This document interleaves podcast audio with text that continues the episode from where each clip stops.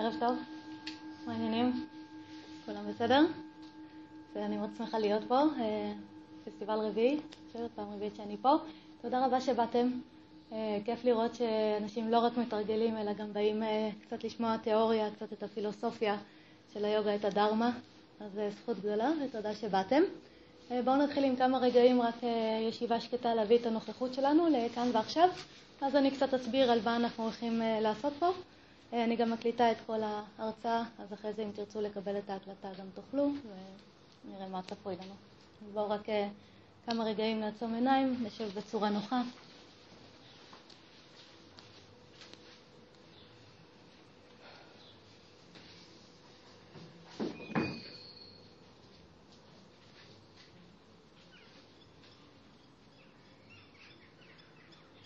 ונשב כמה רגעים בנוכחות שקטה עם מה שיש, עד שתרגישו שאתם נוחתים ונוכחים.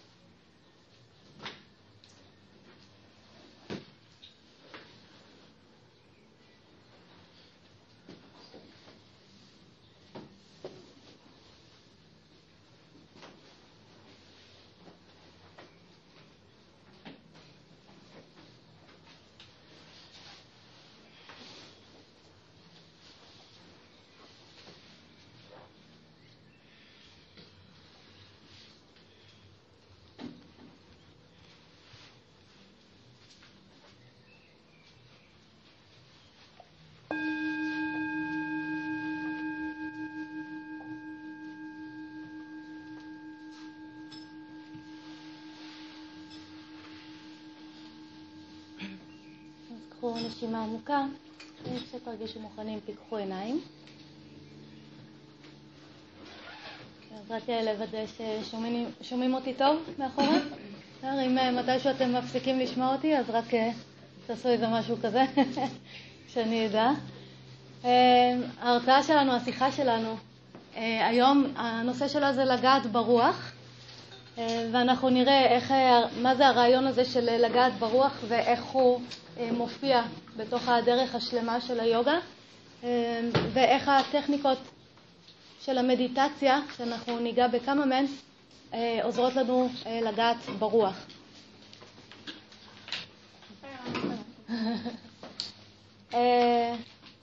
מה שאני מבקשת ומציעה זה בשביל שה... השיח שלנו יהיה ככה פורה.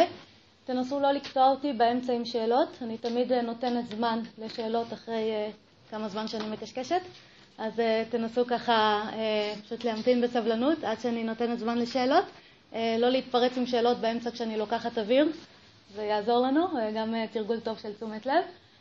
וחוץ מזה שאני אוהבת לשאול שאלות, אז גם תרגישו חופשי לענות, וזה יתרום לשיח שלנו ובאמת תהיה לנו חקירה עמוקה. סבבה? שאלות, בקשות, לפני שנתחיל? מזגן? לא. בואו נראה, בואו נעשה הרוב קובע. כמה רוצים מזגן? הפסדתם, חבר'ה. כמה לא רוצים מזגן? אנחנו בתיקו. כן, אוקיי. סבבה, סבבה. כן. יואבי, אתה אחראי מזגן, אנחנו משאירים אבל חלונות פתוחים, פלוס מזגן, נהיה לגמרי לא אקולוגיים. כן, בסדר. אוקיי, אז ככה למי שלא מכיר אותי, אני גלית לוין. אני מלמדת בעיקר את הדרך השלמה של היוגה, שזה אומר כל הדרך עד לקייבליה, עד לשחרור מסבל בחיים האלה, עד להגשמה של הפוטנציאל שלנו. המרכז שלי נמצא בנטף, הקמתי עמותה בשם עמותת קדן, ש... כן, אנחנו אוטוטו מגיעים. עד כמה יש לנו? שעה וחצי? זה יותר מדי, לא? כן, אפילו אפשר בחמש דקות, אבל אנחנו ככה נעוף על עצמנו ונגיע להערה בשעה וחצי. אז אז זהו, אז יש עמותה שהקמתי, נקראת עמותת קדן, שעושה כל מיני פעילויות מאוד מאוד יפות, הכל מבוסס על מסורת של דנה, על תרומה ונדיבות, אז סדנאות וריטריטים, ועכשיו פתחנו מכללה שנקראת מכללת קדן, מכללה לקידום הקיום, הדת והנועם, ומאפשרת בעצם לכל אדם קודם כל להגשים את הפוטנציאל האישי שלו, קודם כל להגיע למודעות, להיות מסוגל לפעול בעולם בצורה מודעת, ואחר כך ללמוד עוד כל מה שבא לו, אבל קודם כל, אנחנו, אני חושבת, כולנו רואים קצת את המצוקה הגדולה שיש היום לאנשים, בעיקר מול הקופסה הזאת שיש להם פה. מכירים את הבעיות שהיא עושה לנו? אז יופי. אז קודם כל, קצת ללמוד לעבוד עם הדבר הזה שיש לנו ולממש את הפוטנציאל שלנו, זה מה שהמכללה עושה. אז אחרי זה, אם יעניין אתכם לשמוע עוד, אני אשמח לספר לכם, וגם אתם יכולים לראות פרסום שלנו בעיתון של היוגה, של הפסטיבל. אז אתם תראו. אבל בואו ניגש לענייננו. ניתן רגע לכולם להתיישב, שנהיה מבוססים.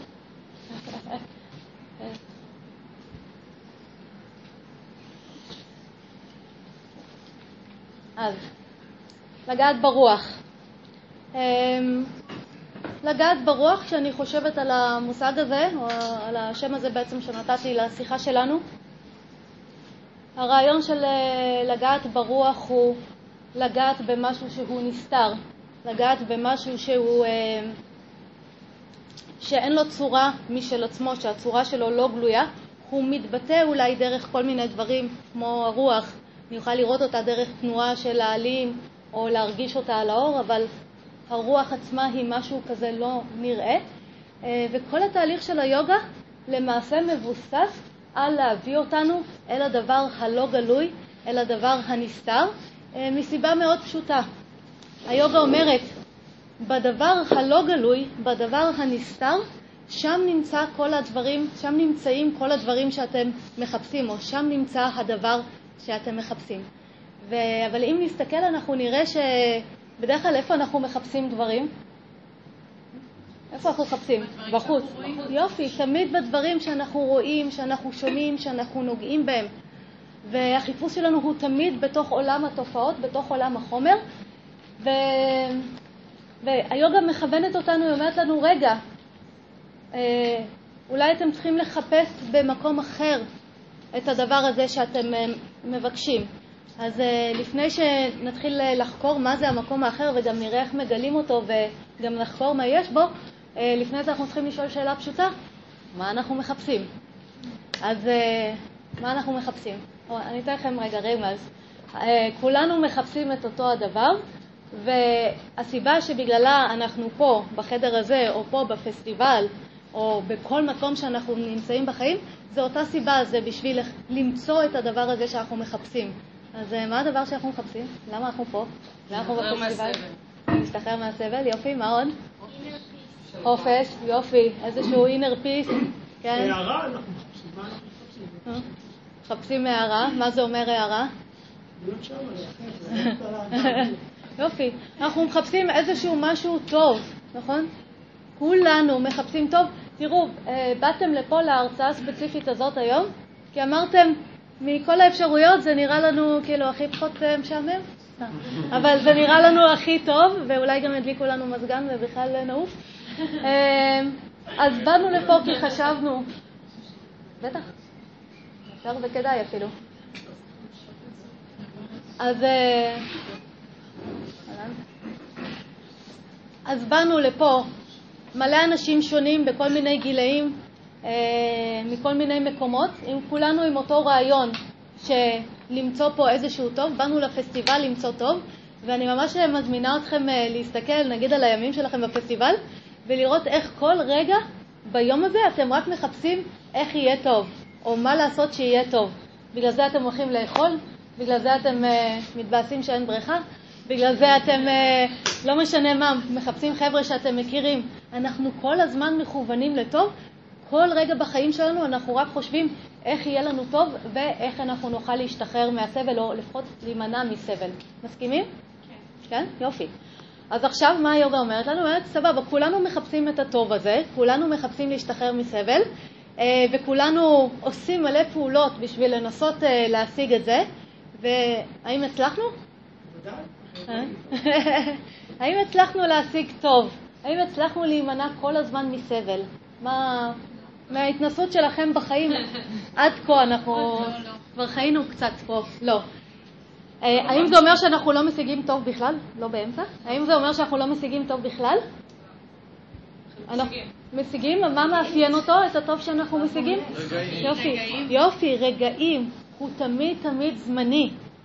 זוכרים את הרגעים שהיה לכם ממש מדהים, נגיד? שכאילו התאהבתם ואהבתם על עצמכם וחשבתם שהנה, מעכשיו הכל הולך להיות מדהים? כמה זמן זה נמשך? כן? מתישהו תמיד זה מתחלף לנו, הטוב בורח לנו, הסבל מגיע, ואז אנחנו צריכים עוד טוב ועוד טוב. ואפילו לא צריך דברים גדולים, מספיק לראות, סיימנו לאכול, מיד אנחנו, אוקיי, הדבר המתוק שבא לי, וסיימתי את זה, אז משהו אחר. אנחנו כל הזמן בעצם רק עושים פעולות בחיים שמנסות לעשות לנו טוב, ואנחנו לא יכולים להפסיק לפעול בחיים, כי הטוב תמיד חומק לנו. אז אנחנו כל פעם מחפשים את הדבר הבא שיעשה טוב, את הדבר הבא שיעשה טוב, וכך אנחנו במרוץ כל החיים. רואים את זה בחיים שלכם? נכון? יופי. אז היוגה אומרת, חבר'ה, אה, כולכם, כולנו מחפשים טוב, וזה אחלה.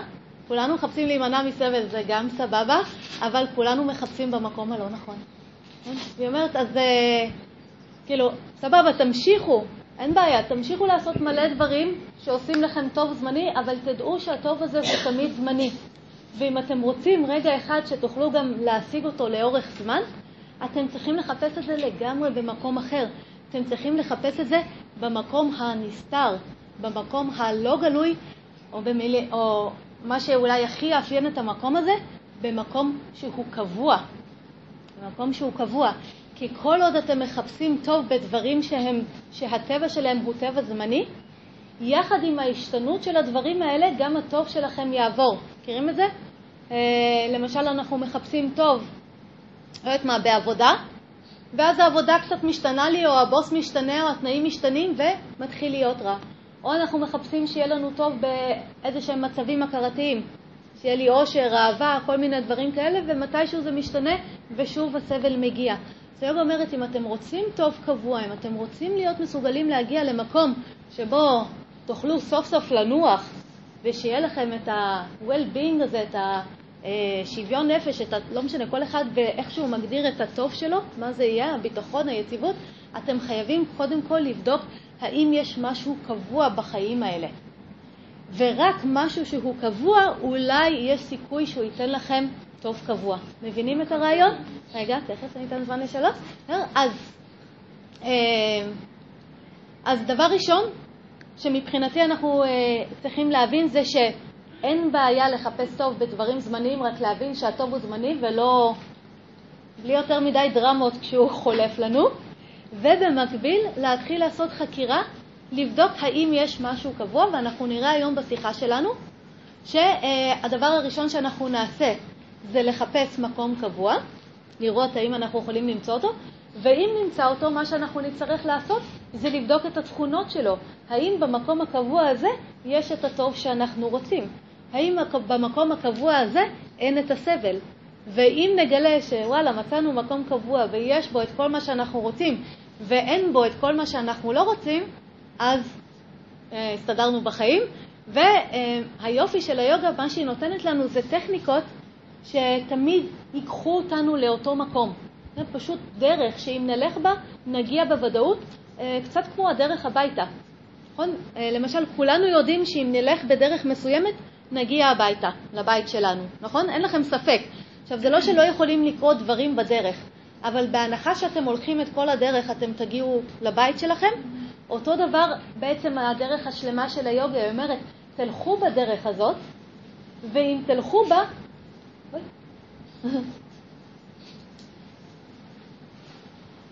תלכו בדרך הזאת, ואם תלכו בה מובטח שתגיעו למקום הקבוע, מובטח שתשיגו את מה שאתם מחפשים, מובטח שתשתחררו מסבל. זה עד כדי כך מגניב.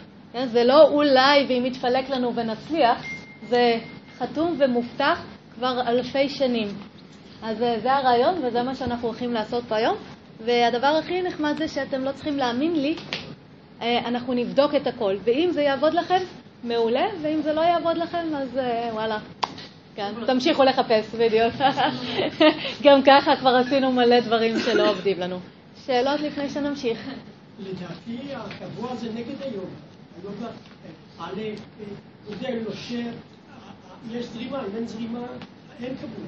נכון. זה לא, זה לא זרימה. נכון, ואנחנו נראה שבכל זאת יש קבוע, רק שהקבוע הזה לא זורם. מה לעשות? כן, בדיוק. עוד דברים? עוד שאלה? חכים, יופי, מעולה. יופי. ואז היוגה אומרת לנו דבר פשוט. בבקשה. שאולי קצת אה, משקפת, נגיד, אה, מי שיודע קצת על צ'קרות, צ'קרת הבסיס, יותר מרובע. אולי הייתי אומרת בצורה באופן יותר מדויק, זה יותר כניסה פנימה מאשר הסתכלות החוצה. כן. אה, את יכולה להגדיר את זה ככה, אבל מה שיאפיין את המקום הזה שהוא מקום קבוע, ואני מציעה באופן כללי כשאנחנו לומדים חומר חדש, עדיף אה, לא ישר להסתכל עליו דרך ידע קודם שיש לנו, אלא פשוט להקשיב לנאמר, ואחר כך להגות בזה. ואם יש שאלות, אז תשאלו שאלות על דברים שאמרתי שהיו לא ברורים. אבל תנסו לא רק אה, לדבר את הדברים של הידע הקודם שלכם, אחרת אתם אה, לא ממש תקשיבו לנאמר, וחבל, כי באנו ללמוד משהו חדש. סבבה? אה, אז היוגה אומרת לנו כזה דבר, אם אתם רוצים לגלות משהו קבוע, משהו שהוא לא משתנה, משהו שהוא לא גלוי, הדבר הראשון שאנחנו, שאתם צריכים לעשות או שאנחנו צריכים לעשות זה להוריד או להביא לחדילה את כל הדברים הגלויים, את כל הדברים המשתנים, את כל הדברים ה... אה, שמכסים על הנסתר. דוגמה פשוטה. אה, בשביל אה, לשמוע את השקט, מה אנחנו צריכים לעשות? יופי, אנחנו חייבים להפסיק את הצלילים. רק בהיעדר של צלילים השקט יתגלה. כן? זה, האם אני יכול... צלילים אין לי בעיה לייצר, לכולנו יש טלפון, תוך שנייה אנחנו מייצרים אין סוף צלילים, אנחנו יכולים לדבר, אנחנו... מלא צלילים אנחנו יכולים לייצר. האם יש פה מישהו שיכול לייצר שקט? אה? האם יש איזשהו מכשיר שיכול לייצר שקט? אין כזה דבר. אם אני רוצה שקט, הוא יתגלה רק בהיעדר של הצלילים, כי הוא כמו תשתית והוא נמצא שם כל הזמן, ורק בהיעדר של צלילים הוא מתגלה. מבינים את הרעיון? עכשיו, כמה צלילים יש? אה? אין סוף. בסדר, אני יכולה לעשות אין סוף צלילים. כמה שקט יש? אחד. אחד. והוא קבוע כל הזמן. האם השקט יכול להיות יותר חזק או יותר חלש? לא, הוא קבוע. אני מתלהבת ממה? כן? האם אפשר אה, לחתוך את השקט, להתחיל אותו ולהפסיק אותו? לא, צליל אני יכולה, להתחיל את ה play, לעשות play, לעשות stop. על שקט אני לא יכולה. אז כמו uh, הרעיון הזה של צלילים ושקט, ורק בהיעדר של צלילים השקט יתגלה, אותו דבר המקום הקבוע הזה שהיוגה מכוונת אותנו לחפש אותו, הוא יכול להתגלות רק בהיעדר של הדברים הגלויים, ואנחנו תכף נראה מה אנחנו צריכים, אה, מה זה הדברים הגלויים שאנחנו צריכים להביא לחדילה, להשקטה. אבל למי שמכיר יוגה כבר יכול, אולי כבר צץ לכם איזשהו רעיון. אה, ניתן עוד דוגמה פשוטה. אה, חלל וצורות. חלל וצורות. בשביל לראות את המרחב, בשביל לראות את החלל, מה אני צריכה? להסתכל. להסתכל בין הצורות. יופי, אני צריכה היעדר של צורות. רק בהיעדר של צורות החלל מתגלה. כמה צורות יש? אין סוף צורות. אני יכולה להמציא מיליון צורות. כמה חלל יש? כמה מרחב? אחד. אחד, רק אחד. אני יכולה לשנות אותו? אם אני אשפוך פה צבע על החלל, החלל יצבע? לא. אני יכולה לחתוך אותו? לא, אני לא יכולה לעשות איתו כלום, הוא תמיד נשאר אותו דבר, הוא פשוט נשאר חלל. זה רק עולם הצורות שיכול להשתנות, שאני יכולה להזיז, שאני יכולה לעשות איתו דברים. מבינים את הרעיון?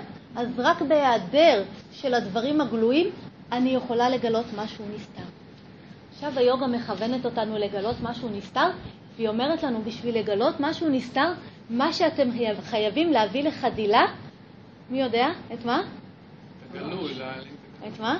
את התנועות של ההכרה. כן? ואולי מי מכם שמכיר את היוגה סוטרה, את, הכתבים, את הכתב של פטנג'לי, הסוטרה השנייה אומרת צ'יטה וריטי נירודה, היא אומרת יוגה זה מצב של צ'יטה וריטי נירודה, צ'יטה זה הכרה, וריטי זה תנועה, ונירודה זה חדילה. אז בשביל בכלל להתחיל את הדבר הזה שנקרא יוגה, אנחנו צריכים להביא להשקטה, לחדילה של התנועה של ההכרה. רק בחדילה של התנועה של ההכרה אולי נגלה שיש שם עוד משהו. אבל כל עוד ההכרה שלנו בפעילות, אנחנו לא יכולים לראות שום דבר אחר. אה, למשל, היומיום שלכם מלא במה? מה אתם רואים כל היום מול העיניים, חוץ מאת העולם החיצון? את כל המחשבות והרגשות והתחושות שלכם. שמתם לב ששם אתם תקועים? כולנו תקועים ב... לא יודעת מה. בר... כן. כולנו זה מה שאנחנו רואים כל היום, את איך אנחנו מרגישים, שזה דבר שמשתנה, ומה שאנחנו חושבים, שזה דבר שמשתנה, ואיזה תחושות פנימיות יש לנו, שזה דבר שמשתנה. מה שגלוי לנו כל היום זה רק מה שזז לנו בתוך הראש. שאנחנו יכולים להיות אפילו, מכירים את זה? נגיד אנחנו אפילו, לא יודעת מה, הולכים בים, ואנחנו לא רואים את הים. אנחנו רואים רק את מה שרץ לנו פה. מכירים את זה? וכמה סבל יש שם הרבה פעמים לאנשים, וכמה מאיתנו רק כאילו מתפללים ששנייה די תשתוק, וכמה מאיתנו עושים כל מיני דברים בשביל אה, להשתיק את זה שהם אה, לא בהכרח מועילים. אז, אז בשביל לגלות משהו נוסף, משהו נסתר, היוגה אומרת לנו, מה שאנחנו צריכים לעשות זה צ'יטה וריטי נירודה, להביא את התנועה של ההכרה לחדילה. שאלות לפני שאני אמשיך? אה, זה תכף נגיע. אוקיי. עוד שאלות? אפשר חוות אפשר זה מדיטציה. אוקיי, יופי. אז עכשיו, כל הטכניקות של היוגה מכוונות להביא להשקטה של הגלים של ההכרה, של התנועה של ההכרה, ואני בטוחה שאתם מכירים את זה. אה, מי מכם שהולך לשיעורי יוגה, אה, אסנות, באופן קבוע או לא קבוע, אפשר לראות איך אנחנו מגיעים, כן, סוערים ונסערים ועייפים או כל מיני כאלה, ואז אנחנו קצת עושים תנועה וקצת עושים נשימה, ואם יש לנו מזל גם מדיטציה, ואיך אנחנו מסיימים את השיעור? עם איזשהו שקט. מכירים את התחושה הזאת? מה עשינו? עשינו דרך עבודה עם הגוף, דרך עבודה עם נשימה, דרך עבודה עם ההכרה, עשינו תהליך של השקטה, הורדה, חדילה של התנועות של ההכרה. אז אנחנו יכולים לעבוד דרך, אנחנו מתחילים עם עבודה הרבה פעמים דרך הגוף כי זה קל. אה, אם הייתי אומרת לכם רק תפסיקו את המחשבות, לא הייתם יכולים לעשות את זה. אבל כשאני אומרת לכם תתרכזו בתנועה ותשתרשו ותהיו בתשומת לב, העבודה הזאת שאתם עושים היא כבר באופן עקיף, בלי שאתם מתאמצים, היא מורידה את הווליום, מורידה את הכמות של המחשבות או של התנועה של ההכרה. אז דרך אה, עבודה עם הגוף, דרך עבודה עם הנשימה, תרגילי נשימה, שאנחנו צריכים להיות מרוכזים אה, בטכניקה של הנשימה, בגלל שאנחנו מרוכזים רק בדבר אחד, לאט לאט הגלים האלה יורדים, אבל בסופו של דבר הכלי המרכזי, הטכניקה המרכזית של היוגה זה הטכניקות של המדיטציה. טכניקות של המדיטציה הן אלה שעובדות ישירות עם הגלים של ההכרה, עם ההכרה, וישירות מביאים אותם למצב של חדילה, ואחר כך מאפשרים לנו גם להתחיל לחקור, לגלות את המקום הקבוע הזה, השקט, הנסתר, ולהתחיל לחקור אותו ולראות מה יש בו, כי אמרנו שגם את זה אנחנו נצטרך לעשות, כי בסופו של דבר אה, אנחנו צריכים לראות שבמקום הקבוע יש את כל הדברים שאנחנו רוצים. אז אני אתן לכם דוגמה פשוטה. תחשבו אה, על ההכרה שלנו, על כל המחשבות והתחושות האלה כעל סוס פרס. כן? כמה מכירים שההכרה שלנו היא ממש פראית ולא ממש מקשיבה לנו, וגם אנחנו אומרים לה לשתוק היא לא שותקת? אז ההכרה שלנו היא כמו סוס פרא, ותחשבו שניתן לכם עכשיו במתנה סוס פרא אה, שיכול מאוד לשרת אתכם בחיים האלה, אבל בשביל שהוא ישרת אתכם אתם צריכים להיות מסוגלים אה, לתקשר איתו, להיות מסוגלים לרכב עליו, להיות מסוגלים לעשות איתו כל מיני דברים. מה הדבר הראשון שאתם הולכים לעשות? נגיד הסוס פרא הזה הוא אי שם חופשי בערים. מה אתם הולכים לעשות קודם כל? יופי, לתפוס אותו, ומה אחר כך? לאלף אותו, אבל איפה? איפה אתם, בערים אתם הולכים לאלף אותו? לא. אתם הולכים לתחום איזשהו, כן, איזשהו חווה, איזושהי, לא יודעת מה, אורווה, איפה שמים סוסים? כן, באיזשהו מתחם סגור, ושם אתם הולכים לעשות איתו איזשהו תהליך. האם אתם הולכים מיד לשבת לרכב עליו? אה? יופי, הוא פרא, אין סיכוי שאני, אם אני אשב עליו, אני, כן, הוא יעיף אותי. אז מה הדבר, מה אנחנו נעשה בשביל לאלף אותו? אנחנו קודם כל נתחיל להוביל אותו בעקיפין, עם אה, רצועה, נכון? ואני ארגיל אותו שהוא הולך אחריי ושהוא מקשיב לי. ככה נראה תרגול היוגה. אנחנו לא יכולים ישירות ללכת לעבוד עם מדיטציה, כי ההכרה שלנו תעיף אותנו קיבינימט. אז אנחנו עובדים מסביב, או דרך אמצעים עקיפים, קודם כל דרך הגוף, ואחר כך דרך הנשימה. ואז כשהסוס הזה שלנו טיפה נרגע, אז אנחנו מגיעים לתרגולים של המדיטציה. ואז כשאנחנו כבר, אה, הסוס טיפה נרגע ואני יכולה ממש לשבת עליו, אז אני כבר מחזיקה ישירות במושכות, ואז אני מכוונת כבר את הסוס ישירות, אני עליו ואני מכוונת אותו. כזה זה תרגול המדיטציה. אנחנו כבר יושבים על ההכרה שלנו, מחזיקים את המושכות של ההכרה שתכף אנחנו נגלה מהן, ומתחילים לכוון את הסוס הזה. עכשיו, תחשבו שאתם רוכבים על סוס, אתם, יצא לכם לרכב קצת? מי שיצא לו. אה, אתם רוכבים על סוס, מחזיקים את המושכות. מה הסוס עושה בזמן שאתם יושבים עליו? אה? הוא, לאן הוא הולך? כן, זה מה שהוא רוצה לעשות? לא. הוא הולך למה שמושך אותו. אם הוא רואה עשב ירוק, הוא הולך לעשב, ואם הוא שומע צליל, הוא הולך לשם, כן? ואתם, העבודה שלכם זה כל, כל, כל הזמן להחזיר אותו לאמצע, להחזיר אותו לאמצע. אם הוא היה יודע לבד ללכת לאמצע, לא הייתם צריכים את המושכות בכלל. אבל בטבע שלו ללכת אחרי כל גירוי שמגיע מהחושים, ובגלל שאתם המאסטרים שלו, אתם, עכשיו הוא יודע להקשיב לכם, אתם כל הזמן מכוונים, זה עבודה כל הזמן. כן, אפילו מישהו שיש לו סוס מאוד מאולף, עדיין צריך להחזיק את המושכות ועדיין צריך לכוון אותו. כזה זה תרגול המדיטציה שלנו. בתור התחלה, ההכרה שלנו תרצה ללכת אחרי המון המון דברים. היא תרצה ללכת אחרי כל גירוי שמגיע. אבל מה קורה כשההכרה שלנו הולכת אחרי כל גירוי שמגיע? זה יותר תנועה או פחות תנועה? יותר תנועה, כי היא כל הזמן זזה. כל הזמן זזה.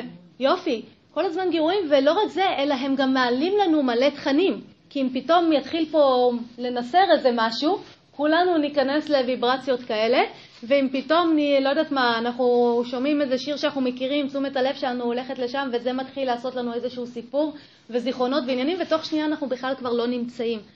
אז אנחנו נראה שהעבודה הראשונה שלנו היא קודם כל להוריד את הגלים האלה, את התנועה הזאת של תשומת הלב לכל מיני כיוונים, ולהתחיל לכוון את ההכרה שלנו רק לדבר אחד. זה מה שנקרא טכניקת מדיטציה של מיקוד באובייקט אחד. זה השלב הראשון של כל הטכניקות של המדיטציה. אנחנו תכף נתרגל את זה, אתם תראו, ממש תרגישו את המושכות של ההכרה, איך זה עובד. אה, ואז כשאנחנו עושים את זה, אנחנו כבר נוכל לראות איך לאט לאט התנועה של ההכרה הולכת ופוחתת והיא מתייצבת. אבל זה לא יספיק לנו. אחרי זה מה שאנחנו נצטרך לעשות זה ללכת אפילו לתנועה עוד יותר מעודנת ולהביא גם אותה לחדילה עד שנגלה בסופו של דבר את המקום הקבוע. אה, את זה אנחנו עושים בטכניקה שאולי חלקכם שמעתם, שנקראת מיינדפולנס אה, וחקירה אנליטית. שם אנחנו מייצרים, אנחנו ממש מגלים את המקום הזה הקבוע, ואז מתחילים לחקור, לראות אותו, ומתחילים לחקור את הטבע שלו. אה, וכשאנחנו עושים את כל הסדרה הזאת, אני יכולה, בעצם אפשר לדבר על שלוש טכניקות, על המיקוד באובייקט אחד, המיינדפולנס והחקירה האנליטית, אנחנו בסופו של דבר, התוצאה שתהיה, שתהיה זה שאנחנו נגלה את המקום הקבוע, אנחנו נדע מה התכונות שלו, אנחנו גם נדע שהוא תמיד שם, וגם נגלה שאין שם את כל הסבל וכל הבלגן הזה שניסינו להימנע ממנו anyway, וזהו, ושם נגמר הסיפור. כל זה בשעה וחצי? שעה. עכשיו יש לנו שעה.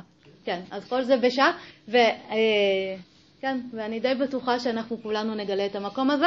גם אם עדיין לא, זה לא יישב לנו, שנפלו לנו כל האסימונים, עדיין אתם תראו שוואלה, שזה באמת מוביל, הבית הזה מוביל למקום מסוים, אה, ורק יישאר לכם להתאמן אחר כך. אה, וככל שתתאמנו יותר, זה, אתם, אתם תראו את זה קורה כל פעם מחדש, אז אין מה לדאוג. שאלות לפני שנמשיך? Hey, אוקיי, רוצים אה, שיעור ראשון באילוף של הסוס שלנו? כן? אוקיי. Okay. Okay. סליחה? גלית לוין. אוקיי. אה, אז יאללה, אז בואו נשב. אה, אנחנו יושבים בצורה נוחה. אם לא נוח לכם לשבת, אתם יכולים מבחינתי גם לשכב, אבל לא להירדם או להישן על הקיר, זה גם בסדר? אה? טוב, אנחנו פה...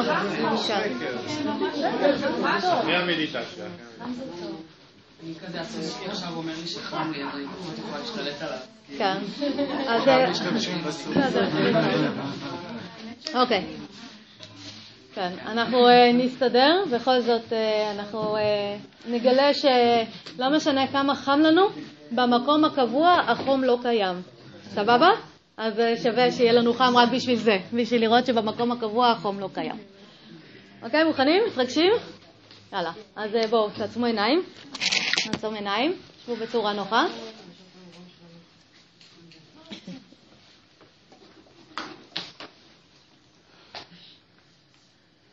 אוקיי, אז תראו שהגוף אה, נינוח, שהנשימה רגועה.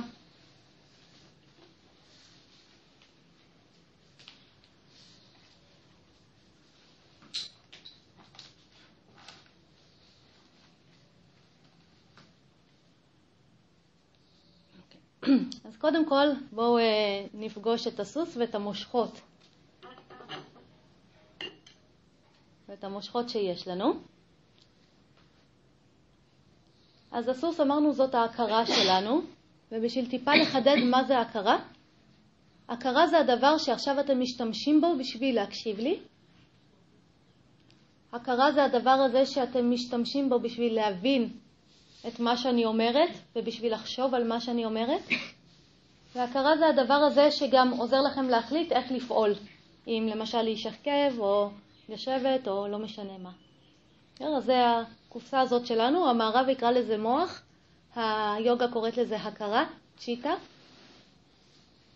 וזה בעצם אפשר לומר אה, המכשיר או הסוס, או לא משנה מה שאתם רוצים, הקופסה, שבאמצעותה אנחנו תופסים את העולם, מאבדים בעין את העולם וגם באמצעותה פועלים בעולם. ועכשיו תראו שעל הדבר הזה יש לכם שליטה, והדרך שלנו לשלוט על ההכרה שלנו זה באמצעות הדבר שנקרא תשומת לב.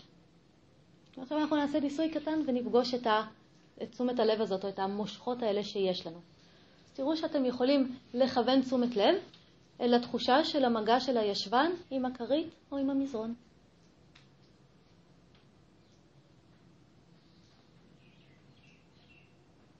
ואז כוונו תשומת לב אל כפות הידיים.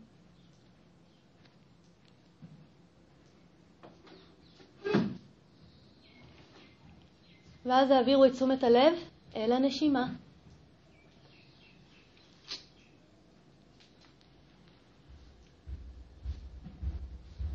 ואז העבירו את תשומת הלב אל התחושה של הלשון בפה.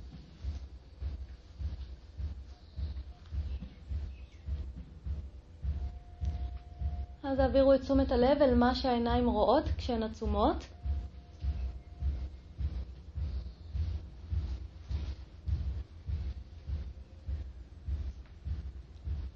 אז העבירו את תשומת הלב אל חוש השמיעה.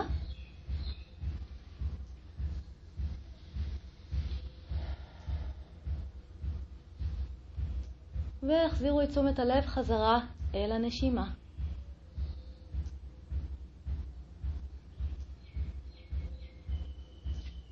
יופי. ואז קחו נשימה עמוקה ופיקחו לרגע עיניים לפני שנמשיך. אוקיי, הצלחתם להעביר תשומת לב ממקום למקום? נכון? כולנו הצלחנו? מסכימים? יופי. אה, זה היה קל או קשה? היה אפשרי, נכון? הייתם, מישהו פה היה צריך הסברים איך להעביר תשומת לב ממקום למקום? לא, כולנו, מהרגע שאמרתי להעביר תשומת לב, להעביר תשומת לב, כולנו ידענו לעשות את הפעולה הזאת. הפעולה המנטלית הזאת של לכוון תשומת לב, זה המושכות של ההכרה שלנו. אה, ותכף אנחנו נראה מה זה נותן לנו. אני הנחיתי את התרגול הזה כבר להרבה מאוד אנשים בהרבה מאוד גילאים. עוד לא היה פעם אחת שבן אדם לא הצליח להעביר את תשומת הלב ממקום למקום. עוד לא היה פעם אחת שבן אדם היה צריך הסבר איך להעביר תשומת לב ממקום למקום. כי זו היכולת המולדת של כולנו. לכולנו יש את היכולת המולדת לשלוט בהכרה שלנו, לכוון אותה, אבל אנחנו צריכים לפתח את היכולת הזאת. כי מה היה קורה אם הייתי אומרת לכם, עכשיו תישארו עם תשומת לב על הנשימה להרבה זמן, נגיד חמש דקות, מה היה קורה? אה?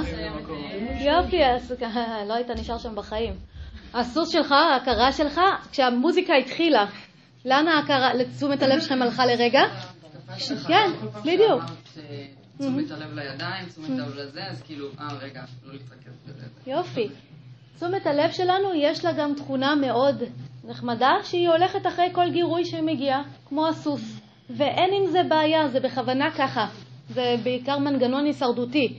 כי נגיד, אנחנו רוצים להיות בקשב לכל מיני דברים שקורים, או בתשומת לב לכל מיני דברים שקורים, כדי שנוכל להגן על החיים שלנו. תחשבו על פעם, כן? היינו צריכים להיות ככה במין alertness כזה למה שקורה. אבל, אה, אז היא תמיד תלך לכל מיני מקומות, אבל לכולנו יש את היכולת המולדת להחזיר אותה, אבל היכולת הזאת היא מפותחת אצל כל אחד, כל אחד במידה מסוימת, בדיוק כמו שריר. יש לי את השריר הזה, הוא מאפשר לכולנו, יש לנו את השריר הזה, מאפשר לנו לעשות את התנועה הזאת עם היד, עם הזרוע, אבל האם השריר אצל כולנו מפותח באותה מידה? לא. בהתאם למה? איך הוא מפותח? בהתאם למה? יופי, כמה השתמשנו בו, כמה פיתחנו אותו, כמה עבדנו על לפתח אותו. זה הרעיון. אז גם תשומת הלב שלנו, היא, הכוח שלה, כמה יכולת יש לנו, כמה שליטה יש לנו על תשומת הלב, תלוי בכמה פיתחנו את תשומת הלב. עכשיו, אם אף פעם לא הלכתי לחדר כושר ואף פעם לא הרמתי סלים ואף פעם לא הרמתי ילדים, השריר הזה יהיה והוא יאפשר לי לעשות תנועות מסוימות, אבל ברגע שאני אבוא להרים משהו טיפה יותר כבד, אני אגלה שאין לי את היכולת. נכון? מכירים את זה? אותו דבר פה. יש לנו את היכולת לכמה רגעים כן לשמור תשומת לב, אבל אם אנחנו, אם אף פעם לא פיתחתי את היכולת הזאת, אני אגלה שתכף בתרגול הזה שאנחנו נעשה של מיקוד באובייקט אחד, שבו אמרו לי להיות עם הנשימה, בכלל נרדמתי ונכנסתי לאיזה הזיות, ובכלל התעוררתי עם הגונג אחרי חמש דקות ואני לא יודעת איפה הייתי. עכשיו, זה לא שיש בעיה עם תשומת הלב שלי, זה רק אומר שלא התאמנתי על לפתח אותה. אבל אנחנו נראה שאם נעבוד חמש דקות ביום על לפתח את השליטה בתשומת הלב, השליטה שלנו תתחזק, בדיוק כמו שאם מרגע זה, חמש דקות ביום אתם תתחילו להרים משקולות, מה יקרה לשריר? הוא יתפתח. בחמש דקות, אני לא צריכה אימון כושר של שעה וחצי, זה חמש דקות יותר מהכלום שאני עושה. אז גם פה, בערך חמש דקות ביום של עבודה של מיקוד אובייקט, באובייקט אחד, ואתם תראו שהסוס שלכם מתחיל להירגע, ההכרה שלכם מתחילה להתייצב, ועם ההתייצבות הזאת אנחנו יכולים להתחיל לאט לאט גם לגלות את המקום הקבוע. אמ, שאלות לפני שאני אמשיך? עכשיו, פה יש לנו אתגר קטן, כי אנחנו, אה, לא בהכרח השריר של כולנו, של תשומת הלב, השליטה על תשומת הלב היא מפותחת, ועדיין אני רוצה שנעשה את התהליך לחקור את המקום הקבוע.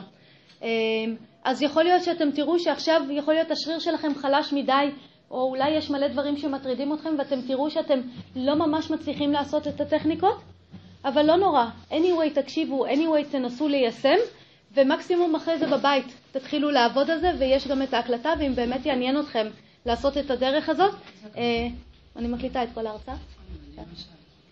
אז אה, אחרי זה, אם תרצו ותתחילו לעבוד, אתם תראו שהיכולת תתפתח. אז גם אם עכשיו לא ממש מצליח לכם, לא, לא להיכנס ללחץ, בסדר? פשוט להמשיך להקשיב, להבין את כל הרעיון, ואחרי זה תעשו את זה בזמנכם החופשי. סבבה?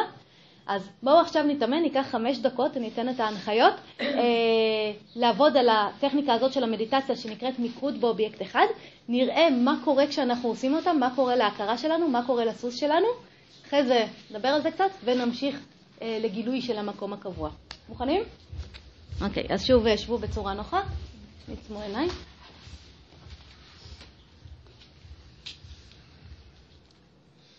אז אתם תראו, בעיקר עם המוזיקה עכשיו שיש, כל פעם תשומת הלב שלכם תלך כזה למוזיקה, או ואם זה מפריע לכם אתם גם תתחילו להתעצבן וכאלה דברים, או אם בא לכם כבר להיות שם אז אתם כאלה, אבל לא נורא, בסדר? לא קורה, מה, מה שעולה ומה שקופץ לנו זה לא משנה, פשוט תזכרו שכל פעם כשאתם רוצים אתם יכולים להחזיר את תשומת הלב לאובייקט שבו אנחנו מתמקדים.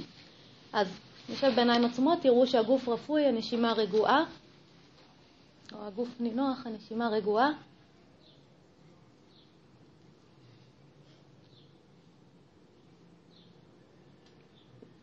ועכשיו כוונו את תשומת הלב אל הנשימה.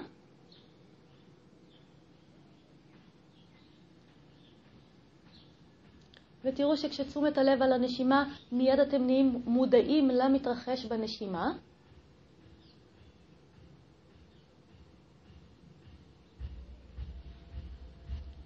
ויכולים בכל רגע נתון לראות אם אתם מכניסים אוויר או אם אתם מוציאים אוויר.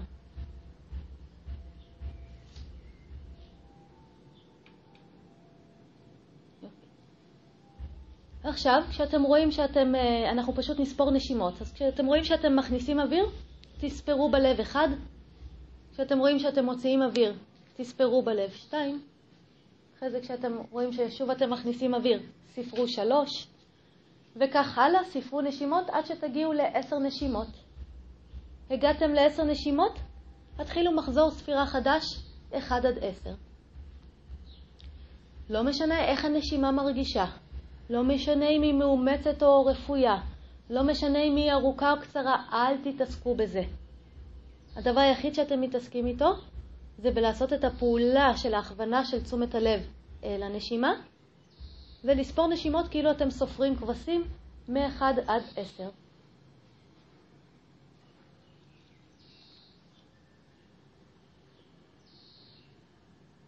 תוך כדי שאתם עושים את זה, תראו את הנדידה של תשומת הלב. תראו את הסוס הזה, איך הוא פעם עוצר להריח פרח, פעם הוא רוצה ללחך עשב. תראו שתשומת הלב כל הזמן הולכת לכל מיני דברים אחרים, ואז ממש כמו לרכב על סוס. הוא מתחיל להפנות את הראש למשהו אחר, פשוט תמשכו אותו חזרה עם המושכות. אז אתם רואים שתשומת הלב התחילה ללכת למשהו אחר? אם זה עייפות, אם זה הרדמות, אם זה מחשבות, לא משנה מה, בעדינות. פשוט תכוונו אותה חזרה לנשימה, תראו שאתם נהיים מחדש מודעים לנשימה, ותתחילו לחדש את הספירה של הנשימות 1 עד 10. כמה רגעים פה בדממה ואני אמשיך עם הנחיה נוספת.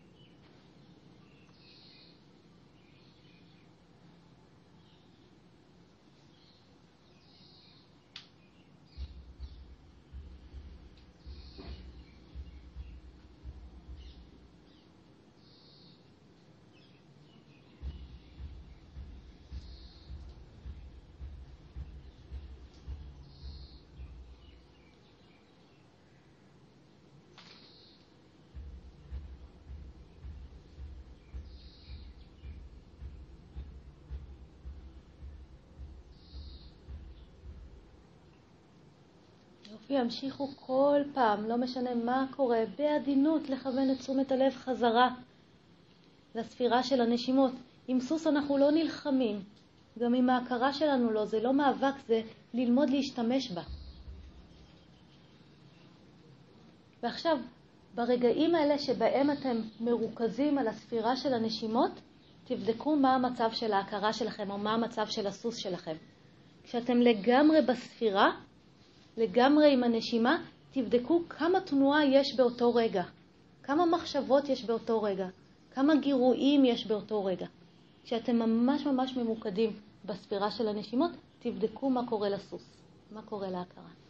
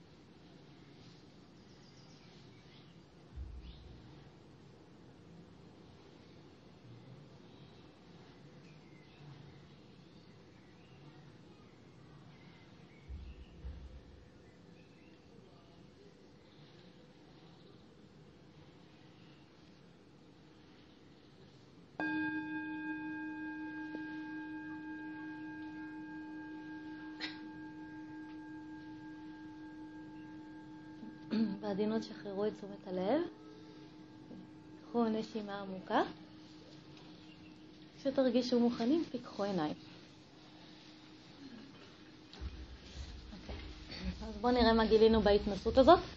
אה, ראיתם שאתם, אה, ברגע שאתם שמים תשומת לב על הנשימה, אתם מיד נהיים מודעים למתרחש בנשימה? נכון? יכולים לראות את השאיפות ואת הנשיפות? הצלחתם לספור אותם כמו כבשים? מעולה. ראיתם את התנועה כל הזמן של תשומת הלב לכל מיני מקומות? כן, לאן היא הלכה? מה ראיתם? לאן היא הולכת? למוזיקה, לרעש. לאן עוד? למחשבות. יופי, לנשימה, לישיבה. יופי, לחום. כן, יופי, חם, זה. נעים לי, לא נעים לי. הצלחתם לראות? יופי. הצלחתם לראות שכל פעם שאתם רוצים אתם יכולים להחזיר את תשומת הלב חזרה לנשימה? יופי, ממש כמו סוס. זה היה צריך להיות מאבק? זה היה אוף, ההכרה שלי לא מקשיבה לי? לא, זה היה כל פעם שאני רוצה, אני יכולה לעשות את התנועה הקטנה הזאת חזרה אל הדבר שאליו אני רוצה ללכת, אל הדבר שאליו אני רוצה להתרכז. זה תרגול המדיטציה, מיקוד באובייקט אחד. זה לא מלחמה. כמה פעמים עשיתם מדיטציה ונלחמתם בלהפסיק מחשבות או לא יודעת מה, כל מיני דברים? אין צורך. זה פשוט הדבר הפשוט הזה. ומה קרה כשתשומת הלב הייתה ממש מכוונת לנשימות ולספירה? מה קרה לתנועה של ההכרה? הצלחתם לראות? היא הייתה, היה יותר שקט? הצלחתם לראות? חדל? יופי, יופי. התנועה הלכה והאטה, פחות תזוזות, פחות מחשבות. הצלחתם לראות את זה? יופי. זה בדיוק הרעיון של להביא את התנועה של ההכרה לחדילה. אז יש לה מלא מלא תנועות, ועכשיו אני עוצרת תנועה רק לכיוון אחד. תנועה לכיוון אחד זה הרבה יותר טוב מתנועה לכל הכיוונים. כי תנועה לכיוון אחד, עכשיו אני יכולה משם להמשיך, וזה ייקח אותנו, תכף אנחנו נראה לאן שאנחנו רוצים. מגניב? נכון? זה לא היה קשה כל כך? חמש דקות ביום, חבר'ה, תעשו את זה. תעשו את זה חמש דקות ביום, אתם תראו את זה משנה את החיים שלכם. אתם תראו שלא משנה כמה מחשבות טורדניות יש לכם, כמה אתם בבלגן, בחמש דקות האלה אתם משיגים איזושהי יציבות. אתם תראו אחר כך בכל דבר שאתם תרצו ללמוד, לקרוא, להתרכז בו, אתם תוכלו לעשות את זה בקלות, אתם תראו את השריר הזה מתפתח. עדיף שבגוף שלנו יהיה לנו טיפה שריר, נכון? החיים יותר קלים אם יש טיפה כוח, ואנחנו כולנו יודעים כמה זה סיוט כשאנחנו חלשים. אותו דבר, החיים שלנו היום הרבה פעמים זה סיוט, כי השריר הזה של השליטה שלנו על הסוס או על ההכרה נורא חלש. ובגלל זה אנחנו כל כך בבלגנים כל הזמן, ואנחנו מנסים להיות בשקט ובסבבה ולא מצליחים.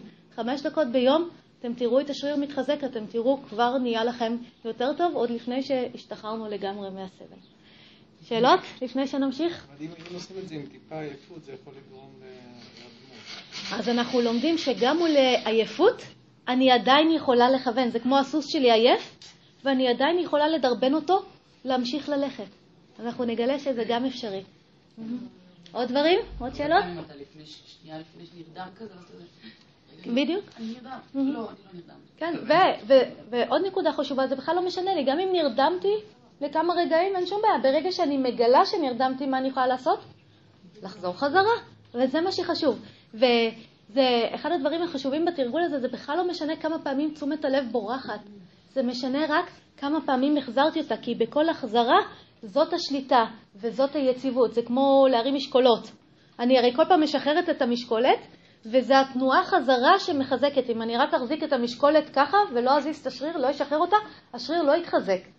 אז התנועה הזאת של ההחזרה היא זאת שמחזקת לנו את השליטה על תשומת הלב. עוד שאלות? כאילו? כן, אבל מי שיותר נוח לו יכול לעשות שאיפה ונשיפה, ובסוף הנשיפה לספור אחד. זה גם בסדר, אין שום בעיה. ויש לנו כל מיני אובייקטים שם שאנחנו יכולים להתמקד, אבל אנחנו לא ניכנס לזה כרגע.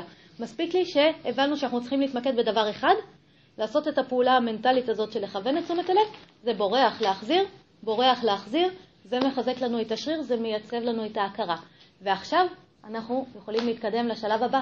למה פיתחנו את כל השליטה הזאת על תשומת הלב? דבר אחד, ראינו שזה מוריד קצת את התנועה, אבל דבר שני, בשביל לגלות את המקום הקבוע, אנחנו צריכים את השליטה על תשומת הלב, כי כשאנחנו שמים תשומת לב באופן יזום על משהו, משהו שהיה נסתר עד עכשיו מתגלה. עכשיו בואו נעשה ניסוי קטן, שוב תעצמו עיניים. תשומת לב על משהו, משהו שהיה מקודם נסתר מתגלה. עכשיו בואו תראו מה קורה. תעצמו רגע עיניים.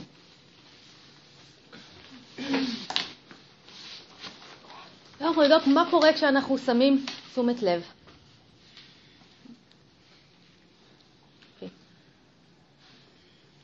אז תעבירו תשומת לב לנשימה ותבדקו מה קורה מהרגע שאתם שמים תשומת לב על הנשימה.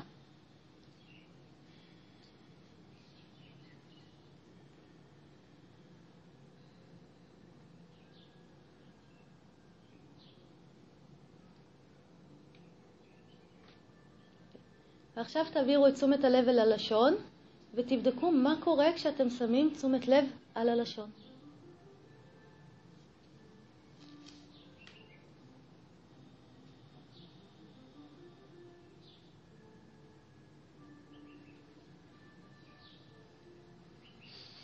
ואז תעבירו תשומת לב אל מה שהעיניים רואות כשהן עצומות, ותבדקו מה קורה כששמים תשומת לב על העיניים, גם אם הן עצומות, מה קורה.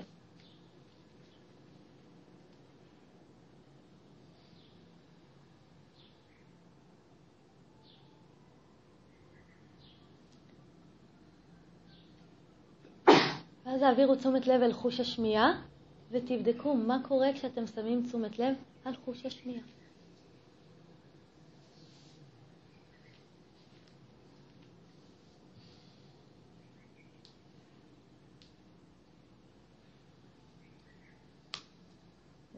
ואז שחררו את תשומת הלב, קחו נשימה עמוקה ופיקחו עיניים כשתרגישו מוכנים. אוקיי, בואו נראה אם הצליח לנו. מה קורה כששמים תשומת לב על משהו? יופי, מה מתגלה? שקט. שקט? מה מתגלה? העברתי פתאום תשומת לב ללשון, הרגשתי כל כך הרבה תחושות ומרקמים שלפני שנייה לא היו קיימים בכלל. יופי. פתאום צלילים, ציפורים. הצלחתם לראות? יופי. קודם כל, כשאני מפנה תשומת לב למשהו, מתגלה לי, מתגלים לי פרטים על הדבר הזה, ש, על, אה, על הדבר שאליו הפניתי את תשומת הלב. יופי, מה עוד קורה? אני פשוט ניגשתי את הגיל השני באופן אחד ככה, כזה, מהמם. כזה זרם לי. זה זרם, אוקיי, יופי. מה עוד? אני זה עשה לי חזרה לגוף.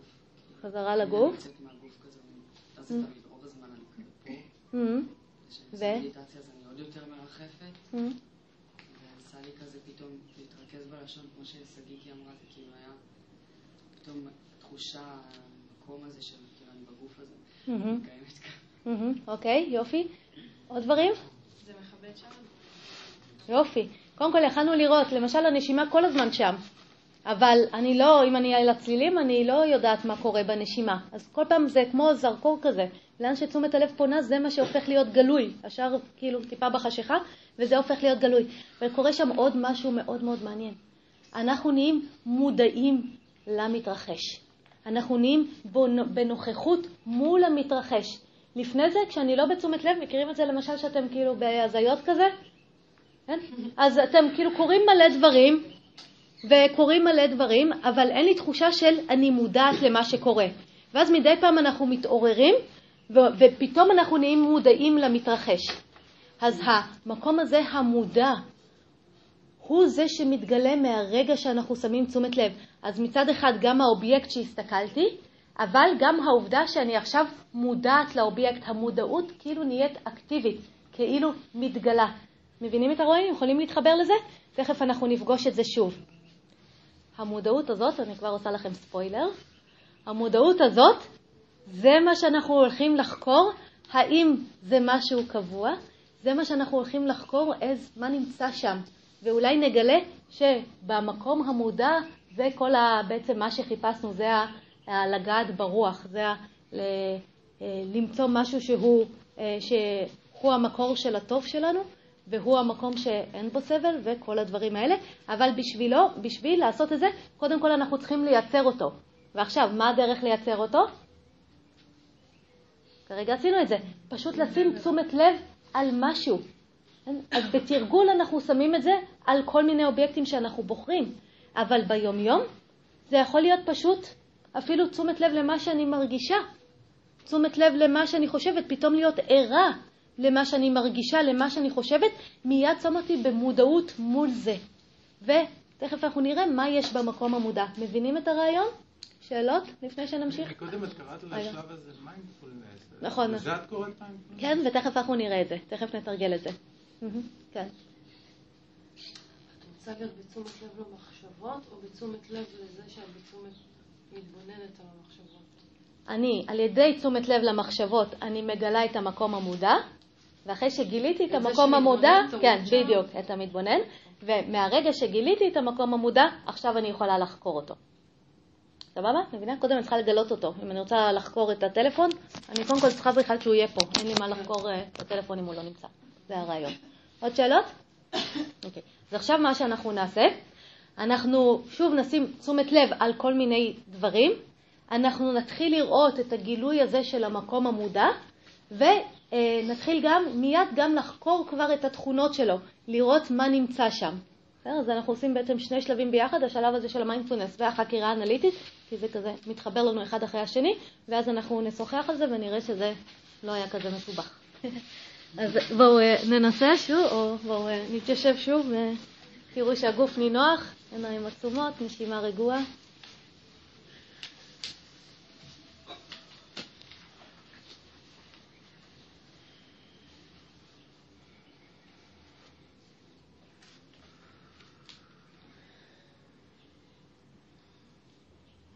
אוקיי. אז כשתהיו מוכנים, העבירו תשומת לב אל הנשימה.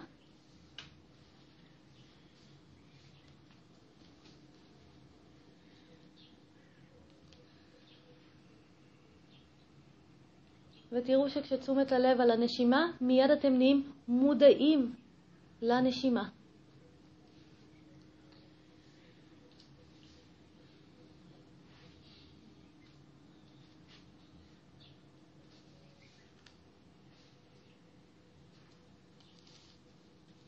ותראו מה זה אתם שמודעים לנשימה, זה בסך הכל אתם שמבחינים בנשימה. אתם שמסתכלים על הנשימה. אתם שבאמצעות ההכוונה של תשומת הלב שעשיתם, הנשימה מתגלה לכם. אבל תראו שאתם אלה שמסתכלים עכשיו על הנשימה.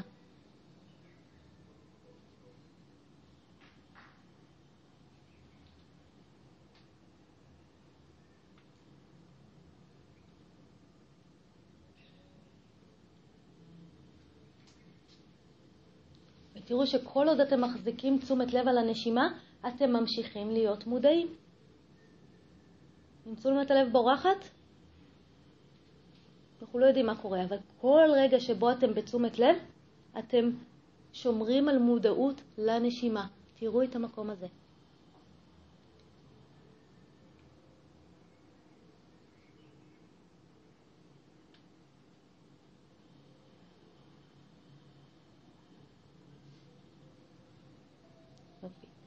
ועכשיו אנחנו רגע אחד נסתכל על הנשימה, או נמשיך להסתכל על הנשימה, אבל רגע אחד נחקור אותה.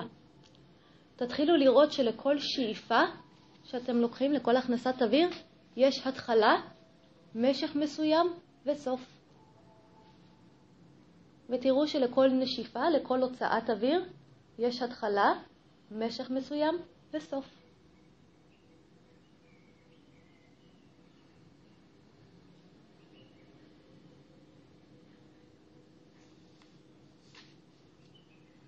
תראו שהמופע של השאיפה והנשיפה הוא זמני, הוא לא קבוע. פעם זה שאיפה, מופיעה נעלמת, פעם נשיפה, מופיעה נעלמת.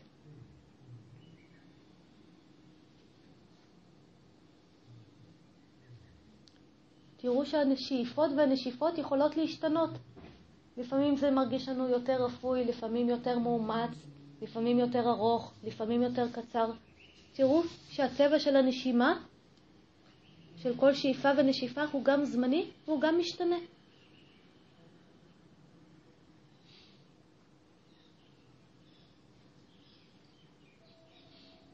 עכשיו תראו שאתם אלה שמודעים לנשימה, ותבדקו האם אתם שמודעים לנשימה, האם אתם שמסתכלים על הנשימה, האם אתם מסתיימים כששאיפה מסתיימת? תבדקו. אתם שמסתכלים על הנשימה, האם אתם מסתיימים כששאיפה מסתיימת? האם אתם מתחילים מחדש כשנשיפה מתחילה? האם אתם מסתיימים כשנשיפה מסתיימת? אתם שמסתכלים, אתם שמודעים לנשימה?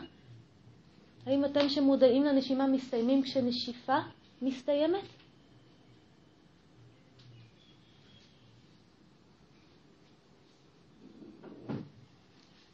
האם אתם שמודעים לנשימה משתנים כשהנשימה משתנה? אתם יכולים לנסות רגע לנשום יותר עמוק או יותר רדוד, יותר קצר, יותר ארוך. האם אתם שמודעים, שמסתכלים על הנשימה, משתנים עם ההשתנות של הנשימה? תבדקו.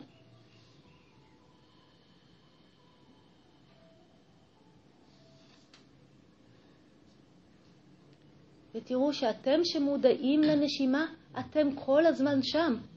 פשוט מודעים. אותו דבר, אתם ממשיכים להיות מודעים בין אם יש שאיפה או בין אם יש נשיפה. בין אם יש רווח בין הנשימות, בין אם הנשימה ארוכה או קצרה, אתם פשוט ממשיכים להיות מודעים. זה הנשימה שמשתנה. אבל אתם שמודעים לנשימה, אתם נמצאים שם כל הזמן אותו דבר, פשוט מודעים. נסו לראות את זה.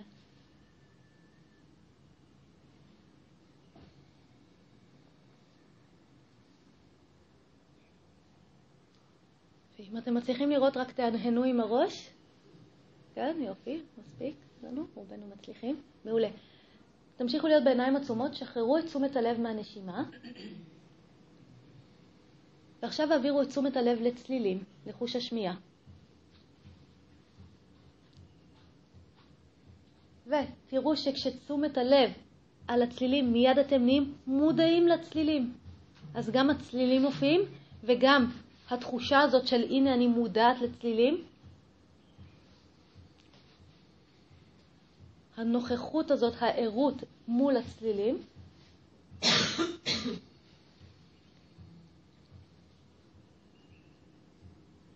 תראו שאתם מודעים לצלילים,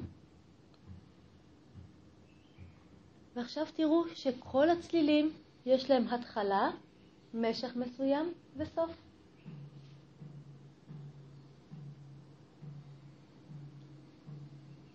תראו שכל הצלילים כל הזמן משתנים, או שהצלילים כל הזמן משתנים.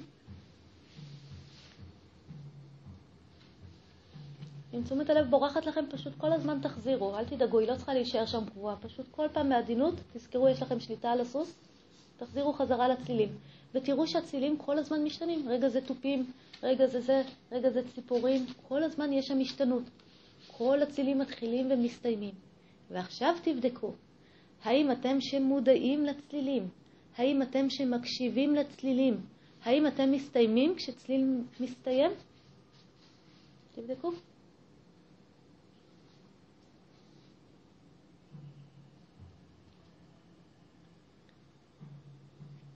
האם אתם שמודעים לצלילים, האם אתם משתנים כשהצליל משתנה? האם זה לכם שמודעים, האם זה משנה אם זה תופים או מישהו זז בחדר?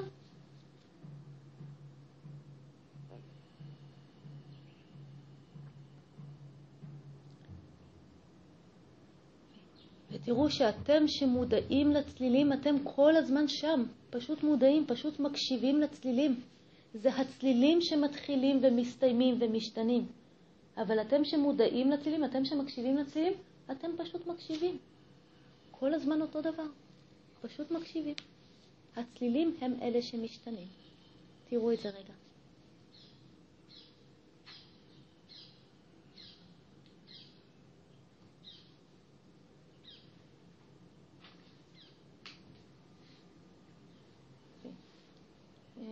מצליחים לראות? אם כן, תהנהנו עם הראש.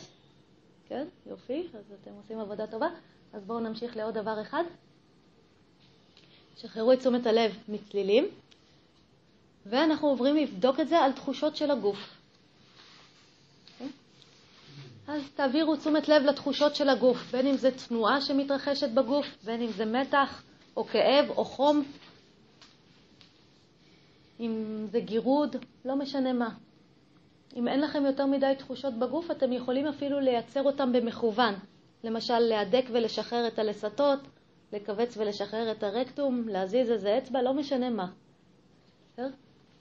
ותראו שאתם יכולים להיות במודעות לתחושות של הגוף. גם התחושות מתגלות וגם המקום שמודע אל מול התחושות.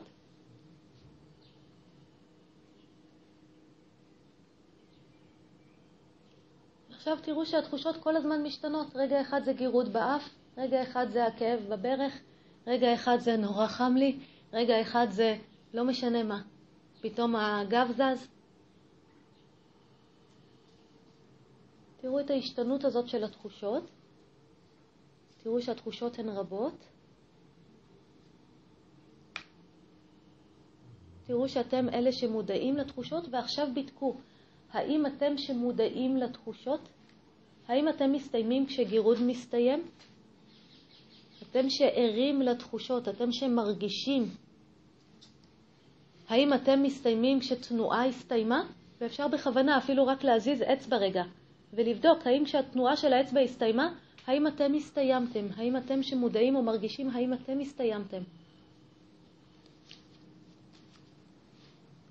או כשגירוד עובר, האם אתם שמרגישים האם אתם הסתיימתם?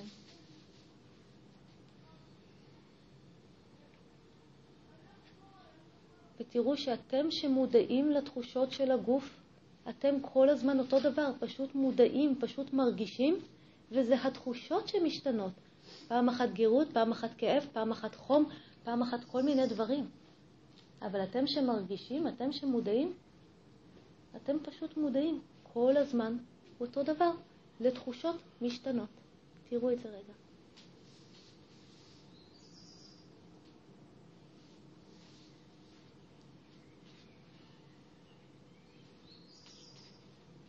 ואם צריך, שחקו עם להזיז כל מיני אצבעות, בעונות, ללחוץ לסטות, ותראו, אתם שמודעים כל הזמן אותו דבר מודעים, ורק התחושות הן אלה שמשתנות, עולות ויורדות.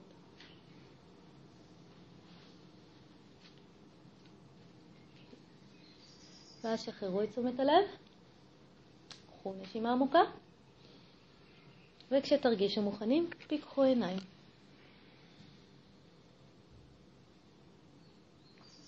אוקיי.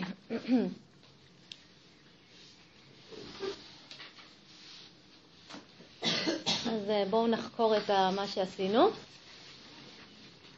אז התחלנו מלהסתכל על הנשימה. ראיתם שכל שאיפה ונשיפה מתחילות ומסתיימות? הצלחתם לראות את זה? כן?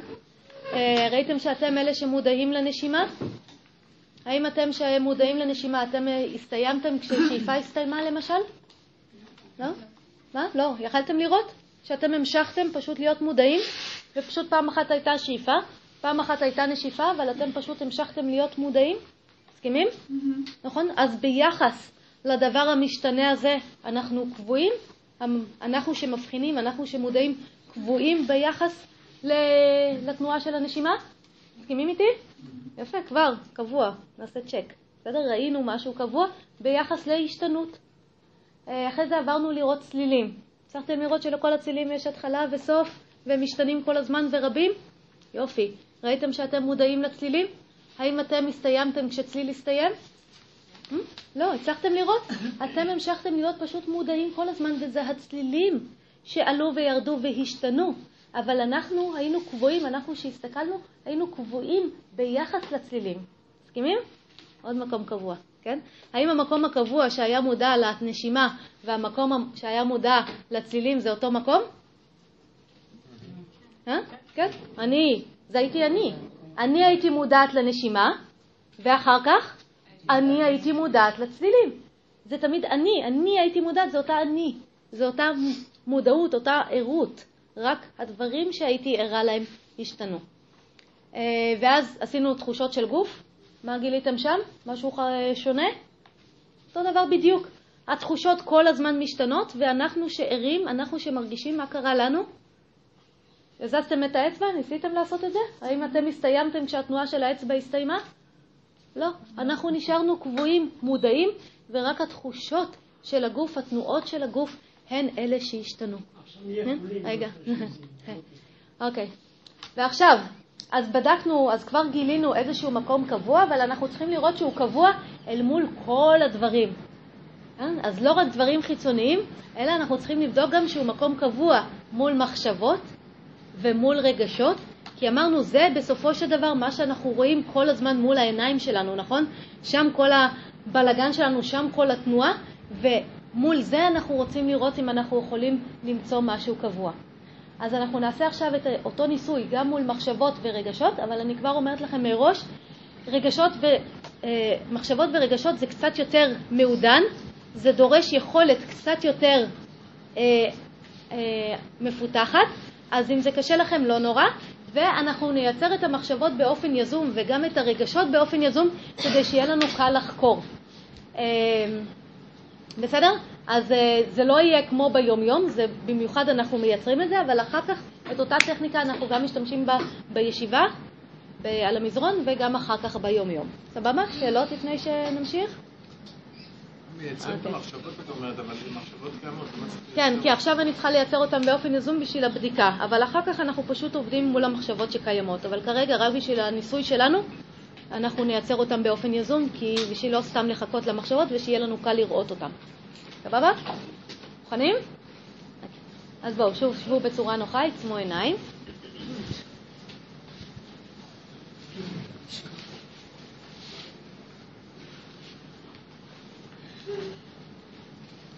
אוקיי, מחשבה זה משפט מנטלי שנאמר ממש במילים. אז אתם יכולים ממש להגיד את המילים, או אם את, זה גם כותב לכם אותם, מדפיס אותם תוך כדי, אין בעיה, לא אכפת לי איך אתם אומרים, רק תראו שהמחשבה זה משפט מנטלי שנאמר במילים. אז בואו, תעלו את המחשבה, אה, איזו הרצאה מעניינת. אה? ממש את המילים האלה, שלוש מילים. איזו הרצאה מעניינת.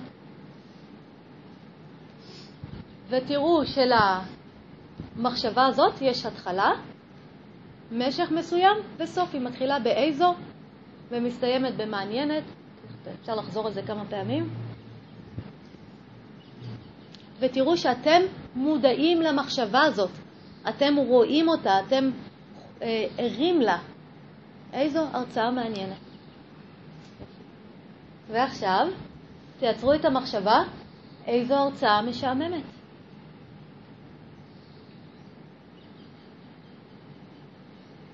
ותראו שגם למחשבה הזאת יש התחלה, משך מסוים וסוף. איזו הרצאה משעממת.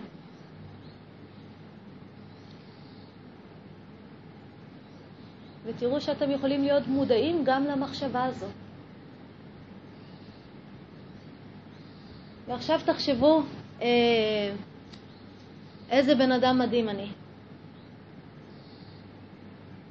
ותראו שאתם יכולים להיות ערים גם למחשבה הזאת.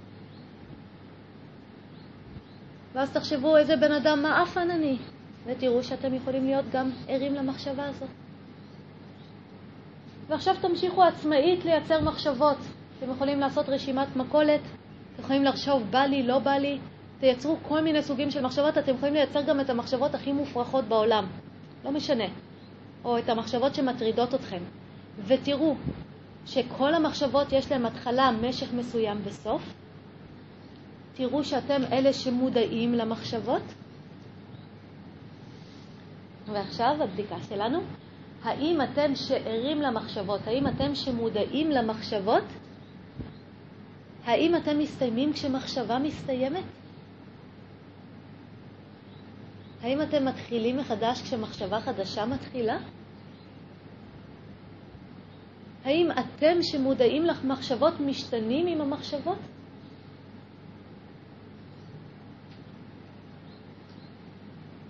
שתמשיכו לייצר מחשבות.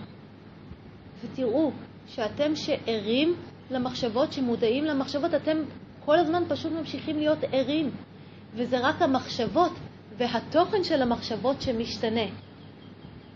או אולי איך שהמחשבה עושה לכם להרגיש, אבל לא משנה מה התוכן של המחשבה, אתם יכולים להיות ערים לה מהרגע שאתם בתשומת לב למחשבות. והמודעות הזאת, הערות הזאת נמשכת כל עוד אתם בתשומת לב למחשבות. המחשבות משתנות, המודעות שלכם למחשבות ממשיכה כל הזמן. תראו את זה עוד כמה רגעים.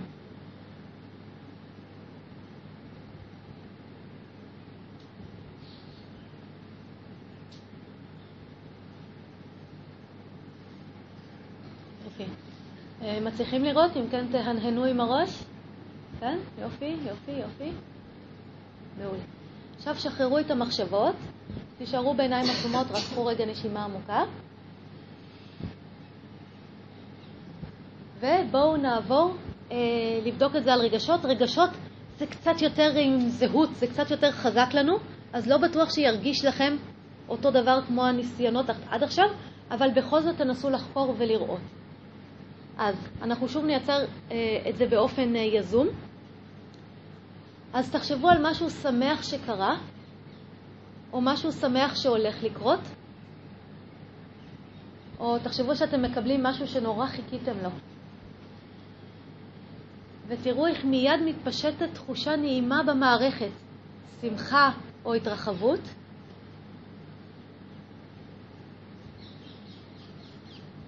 ותראו שאתם ערים לתחושה הזאת. פשוט תחשבו על משהו שמח שקרה או משהו שמח שהולך לקרות, ותראו שנוצרת תחושה של התרחבות, של נועם במערכת, תראו שאתם ערים לתחושה הזאת.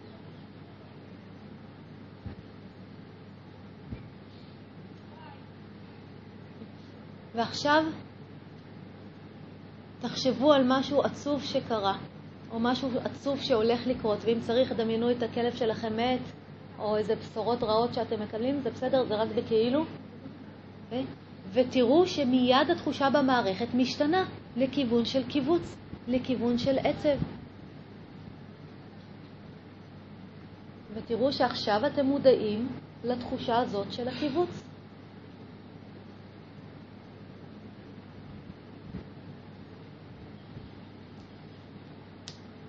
ועכשיו תחשבו על, אה, על מקום שאתם אוהבים, או על מישהו שאתם אוהבים.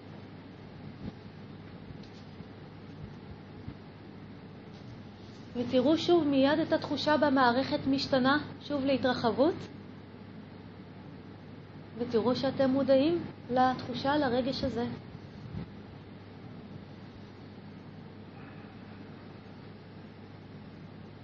ועכשיו תחשבו על משהו מכעיס שקרה.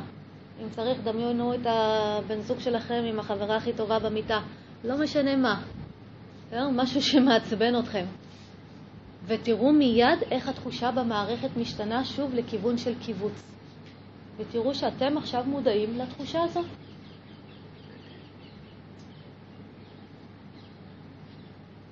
ועכשיו תנסו להמשיך עצמאית, רגע אחד לייצר תחושה נעימה, רגש נעים, רגע אחד לייצר רגש מכווץ, רגש לא נעים,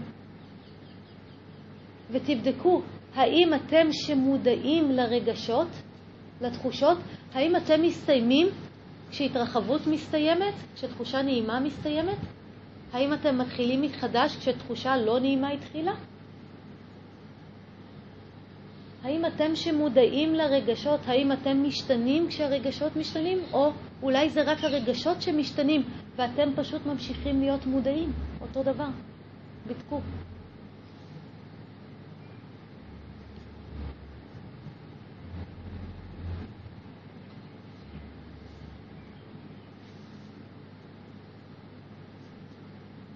ותראו שאתם שמודעים לרגשות, אתם פשוט מודעים, ממשיכים להיות מודעים אותו דבר, ערים למה שאתם מרגישים, אבל הרגשות הם אלה שמשתנים, מתחילים, מסתיימים, מתחלפים.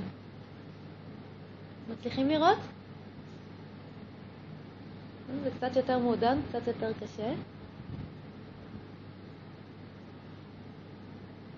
תחשבו שוב על משהו שמח. יצרו שוב תחושה של התרחבות, ואז קחו, שחררו את תשומת הלב, קחו נשימה עמוקה, וכשתרגישו מוכנים, פיקחו עיניים.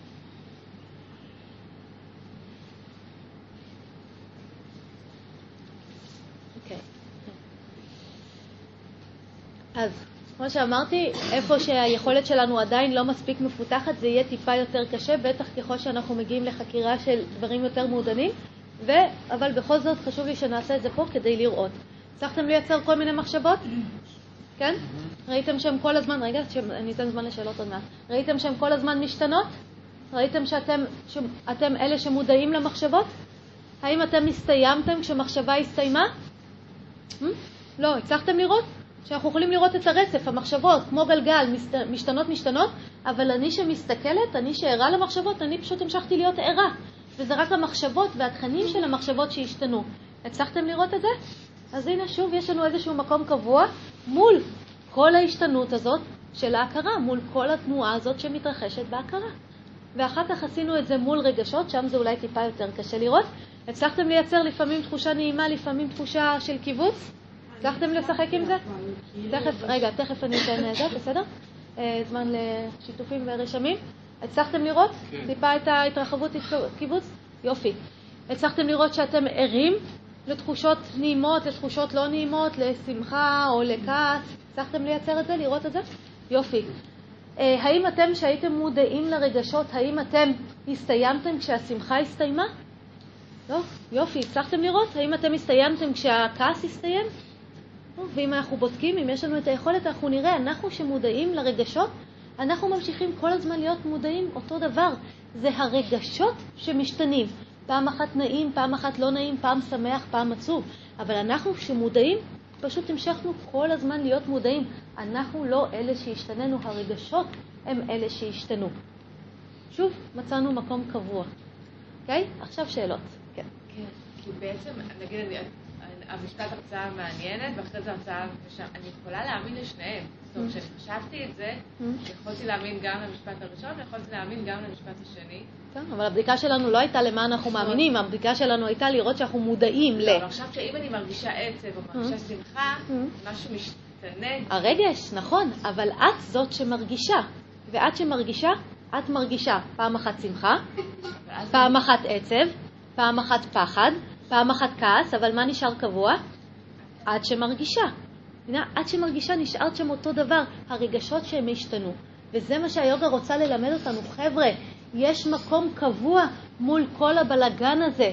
הוא נסתר, אבל הוא מתגלה כשאתם שמים תשומת לב, ואם תעשו את החקירה הזאת, את העבודה הזאת שעשינו חמש דקות כל יום, אתם תגלו שתמיד את אותה תוצאה, ש...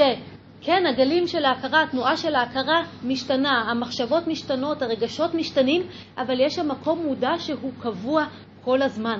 והמקום המודע הקבוע כל הזמן, זה מה שאתם מחפשים. ושם אתם תמצאו את מה שאתם רוצים. אבל רגע אחד, קודם אמרנו, אנחנו צריכים לייצר אותו, ועכשיו שגילינו אותו, תכף אנחנו נגיע לחקור מה יש בו. ואז אנחנו נראה אם באמת יש בו את מה שאנחנו רוצים או לא. סבבה? עוד שאלות? רצית לשתף במשהו מקודם?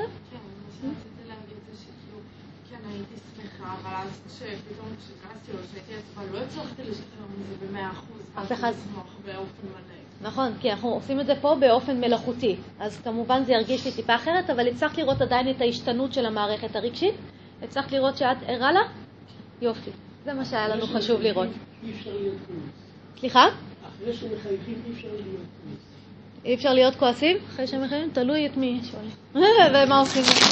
כן. אבל זה לא העניין שלנו. העניין שלנו זה שגילינו שיש מקום קבוע.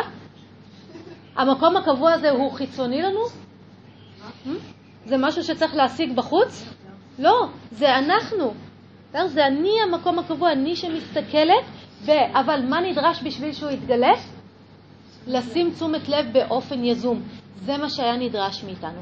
ועכשיו בואו נלך ונחקור אה, מה יש במקום הקבוע הזה, ונראה אם יש שם את הדברים שאנחנו מחפשים בחיים, ואם נגלה שיש, נגמרה לנו עבודה, ועכשיו זה כולה העניין שלכם לתרגל חמש דקות ביום, ויהיה בסדר. כן, כן, בואו נכבה. סבבה? אנחנו פה, ההשתנות, הנה אתם רואים ההשתנות, אבל האם אנחנו השתננו? לא, אנחנו עדיין פה אותו דבר. רק התחושות, המזגן נדלק נכבה, התחושות חם קר, אבל אנחנו אותו דבר, אנחנו עדיין פה. אוקיי, שאלות לפני שנמשיך?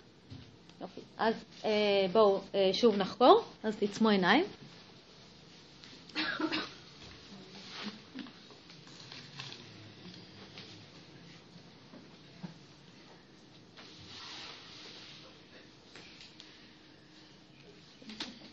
וכשתהיו מוכנים, שוב שימו לב, שימו תשומת לב על הנשימה, העבירו תשומת לב לנשימה, תראו שאתם נהיים מודעים לנשימה.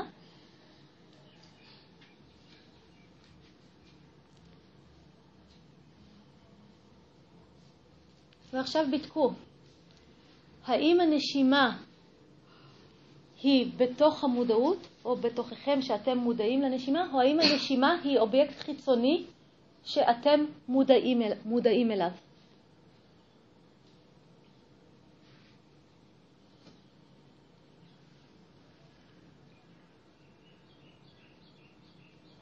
ותראו שהנשימה היא אובייקט חיצוני שאתם מודעים אליו, ותראו שאתם שמודעים, אתם ריקים מנשימה. הנשימה, אתם מסתכלים עליה. אבל בין אם יש שאיפה או אין נשיפה, או יש שאיפה או יש נשיפה, אתם שמודעים, אתם, זה לא משפיע עליכם, אתם ריקים מנשימה. הנשימה היא תמיד חיצונית לכם, חיצונית לכם שמודעים לנשימה. היא אובייקט חיצוני שאתם מסתכלים עליו.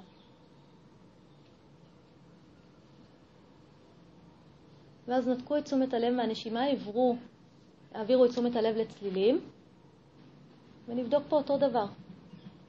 בדקו האם הצלילים הם נמצאים בתוך המודעות, או האם הצלילים הם אובייקטים חיצוניים שאתם מודעים אליהם.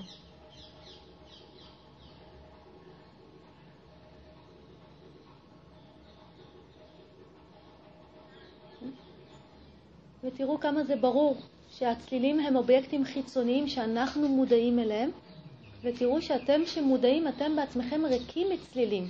הצלילים הם לא בתוככם. צלילים הם אובייקט חיצוני שאתם מודעים אליו.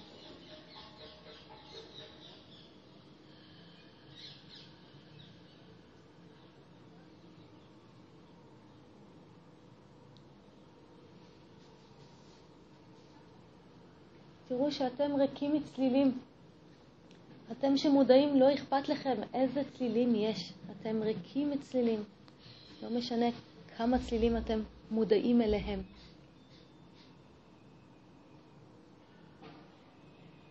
ואז נתקו את תשומת הלב מהצלילים, העבירו את תשומת הלב אל התחושות של הגוף.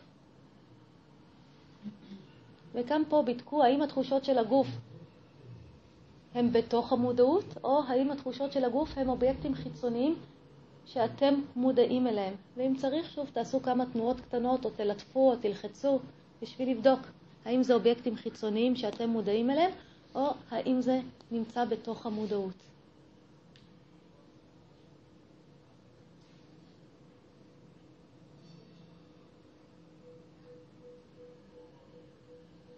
ותראו שגם תחושות הגוף הם אובייקטים חיצוניים למודעות, והמודעות עצמה היא ריקה מתחושות. היא בסך הכל מודעת, אבל התחושות עצמן הן חיצוניות, הן אובייקטים חיצוניים שאנחנו מודעים אליהם.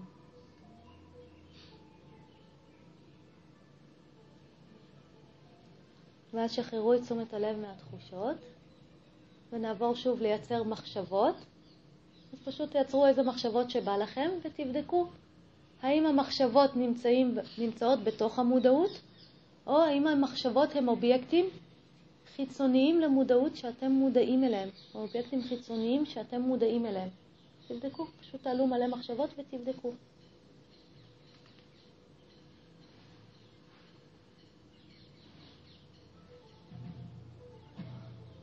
ותראו שכשאנחנו בודקים נהיה לנו מאוד ברור שגם המחשבות, למרות שהן כאילו בתוך ההכרה, הם אובייקטים חיצוניים שאנחנו מסתכלים עליהם, שאנחנו מודעים אליהם. אבל המודעות עצמה ריקה ממחשבות, לא משנה לה אם יש הרבה מחשבות או קצת מחשבות, או מה התוכן של המחשבות. המודעות עצמה ריקה ממחשבות.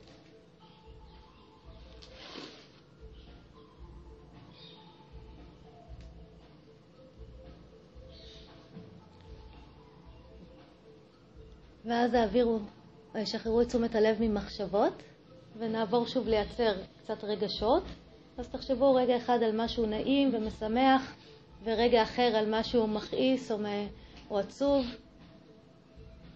ותבדקו האם התחושות האלה, הרגשות האלה, האם הם בתוך המודעות, או האם הם אובייקטים חיצוניים שאתם מודעים אליהם.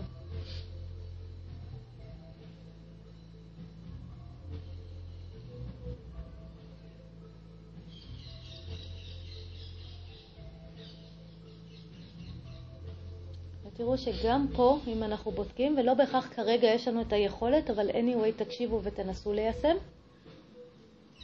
גם פה, כשאנחנו בודקים, אנחנו רואים הרגשות הם חיצוניים למודעות, זה אובייקטים חיצוניים שאנחנו מסתכלים עליהם, ממש כמו על סרט.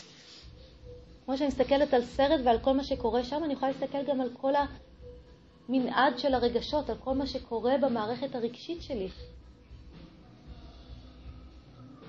ותראו שהמודעות עצמה היא ריקה מרגשות. הרגשות הם חיצוניים לה.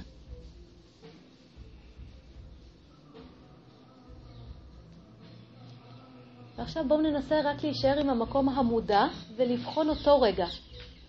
אז אם מחשבות זה חיצוני למודעות, וצלילים זה חיצוני למודעות, ורגשות זה חיצוני למודעות, אז מה יש במודעות?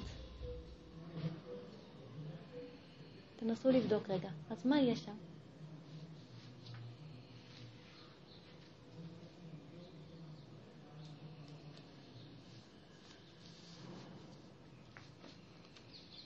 ועכשיו בואו נבדוק כל מיני דברים. אה, למשל, פחד. האם פחד יהיה חיצוני למודעות או בתוך המודעות?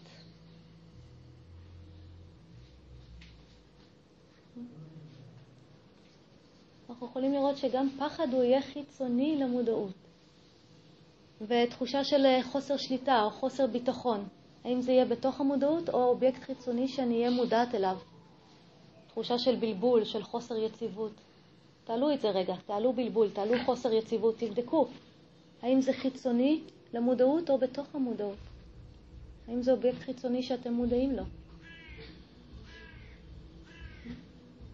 ותראו שגם תחושה של אה, בלבול או חוסר יציבות או חוסר ביטחון, לא משנה מה, גם זה אובייקט חיצוני למודעות, המודעות עצמה ריקה גם מזה.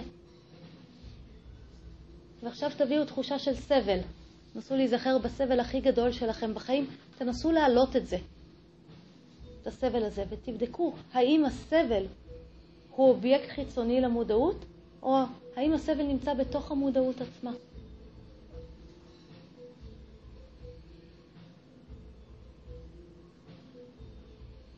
האם הסבל יש לו תכונות של משהו קבוע או תכונות של משהו משתנה?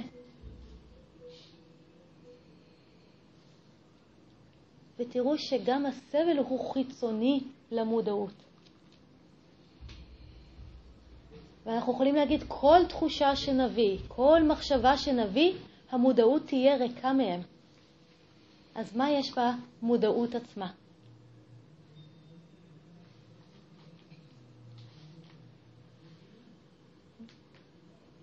ואם הייתם מבוססים במקום המודע הזה ביומיום שלכם, איך זה היה משפיע על החיים שלכם? תבדקו רגע. כשאתם יודעים בוודאות שסבל הוא חיצוני, חוסר ביטחון הוא חיצוני, חוסר יציבות זה חיצוני. אם הייתם מבוססים במקום המודע הזה ביומיום שלכם, מה היה קורה לחיים שלכם?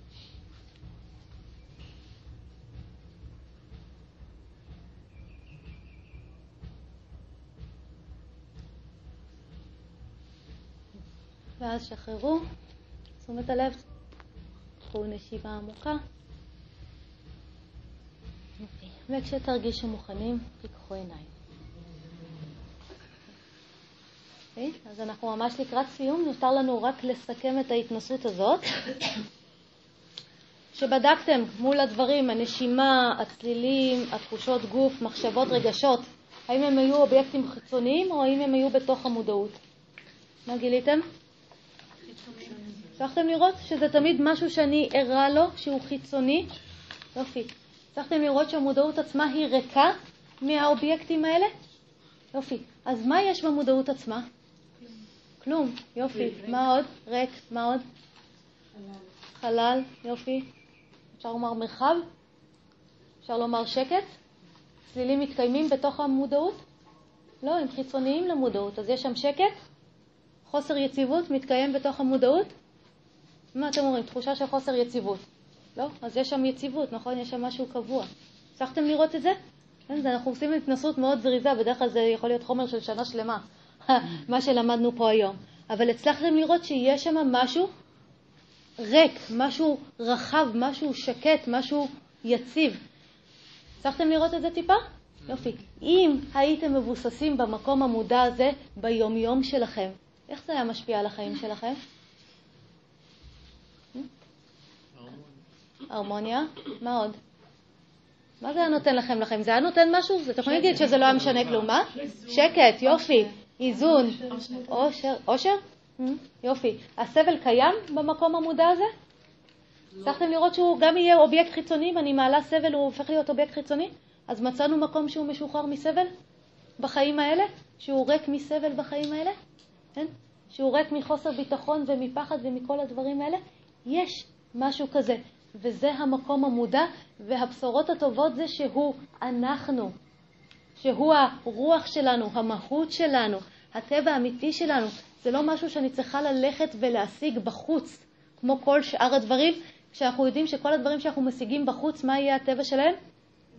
משתנה וזמני, והם יברחו לי ויאבדו לי, ואני אסבול בסוף, לא משנה כמה מדהים הדבר שהשגתי, כמה פעמים זה קרה לנו. אבל המקום המודע הזה, שהוא ריק מסבל, שיש בו יציבות ושקט ומרחב וביטחון וכל הדברים שרצינו וחיפשנו כל החיים, הוא כבר בתוכנו. זה אנחנו, זה הטבע האמיתי שלנו. ומה הדבר היחיד שנדרש לנו בשביל שהוא יהיה גלוי? אה? לשים תשומת לב. להיות בתשומת לב, להיות בערות בעולם הזה למה שקורה. וזה לא משנה אם אני בערות לנשימה, או אם אני בערות לצלילים, או אם אני בערות למחשבות או לרגשות. כל פעם שאתם תשימו תשומת לב ותבדקו, אתם תראו שיש עולם שמשתנה, אבל שאתם שמודעים שברגע הזה אתם ריקים מהעולם הזה ואתם קבועים ולא משתנים.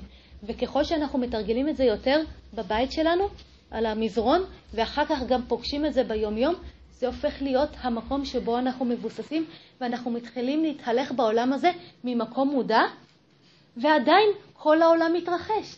עדיין יש מחשבות, ועדיין אנחנו מרגישים הכל, ועדיין יש צילים ויש המון דברים, הכל נשאר אותו דבר, אבל הרגליים שלנו עומדות על משהו יציב. הרגליים שלנו עומדות על משהו שהוא ריק, על משהו שהוא לא צובר. למשל, מכירים את העומס הזה שאנחנו צוברים בחיים? עומס. איפה הוא יהיה? חיצוני למודעות או בתוך המודעות? אה?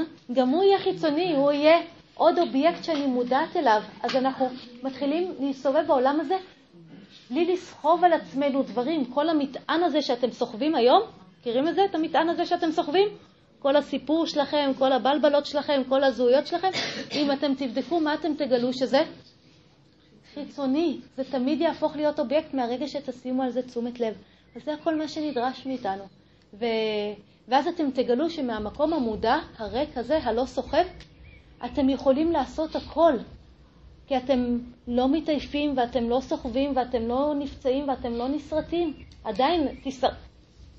הגוף יכול להישרט והתחושות יכולות להשתנות, אבל יהיה לכם תמיד קרקע יציבה לעמוד עליה, שממנה אתם תוכלו לפעול בעולם ולעשות את כל הטוב שאתם רוצים. אה, כן, והיופי זה שכולנו, כששואלים אותנו מה אנחנו נרצה לעשות, זה תמיד אנחנו נרצה לעשות טוב. ומהמקום המודע זה בגלל שהוא לא סוחב אה, פגיעות, והוא לא סוחב נקמה, והוא לא סוחב כלום, הוא ריק מכל הדברים האלה, נורא קל לעשות טוב. אבל מהמקום שמעורבב עם הרגשות והמחשבות, שם אני רוצה לעשות טוב, אבל אני בסופו של דבר עוקצת ופוגעת ועושה כל מיני דברים. אבל מהמקום המודע אתם תראו שאתם פשוט יכולים לעשות את כל הטוב שאתם רוצים, ועדיין לחיות את החיים בשלמותם עם כל ההשתנות שלהם, בלי שזה אה, פוגע בכם, או בלי שזה, אה, לא יודעת מה, מערער אתכם, או מה שזה לא יהיה. שאלות? כן. כן. מי שואל? כן. אפשר להדליק את האור?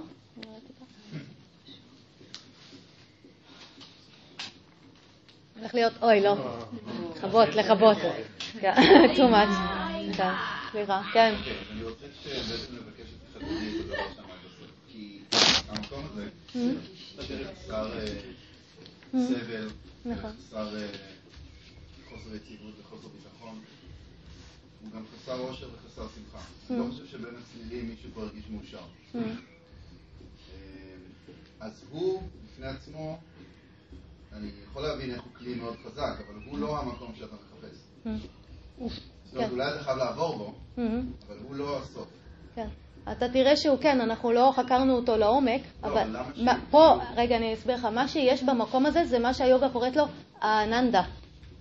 אננדה זה נועם אינסופי ובלתי תלוי בדברים חיצוניים. אז היום השמחה והאושר שאתה מכיר, זה תמיד תלוי במשהו שקורה. נתנו לך מחמאה, אתה מאושר, נפרדת מהבת זוג שלך, אתה מסכן, או אולי מאושר, לא יודעת. אבל, כן? אבל האושר שלנו היום, השמחה שלנו היום, היא תמיד תלויה בדברים חיצוניים. ובמקום הזה, היוגה אה, אומרת, המקום המודע הזה, וככל שאנחנו פוגשים אותו אנחנו נראה, יש בו נועם אינסופי בלתי תלוי בדברים חיצוניים, מעצם העובדה שסבל לא קיים בו. יש בו נועם. מה? נכון, כי האושר שאתה מכיר היום זה אושר שיש בו סבל. זה אושר שכשהוא בורח לך, אתה סובל ואתה כל הזמן בחיפוש אחריו. כמה פעמים האושר גרם לכם סבל? אה? רוב הפעמים. ההתאהבויות הכי גדולות שלנו, בסופו של דבר היו גם הסבל הכי גדול שלנו. אז האושר שהיום היוגה אומרת שאנחנו מכירים, זה אושר שהוא למעשה סבל, זה אושר בתחפושת.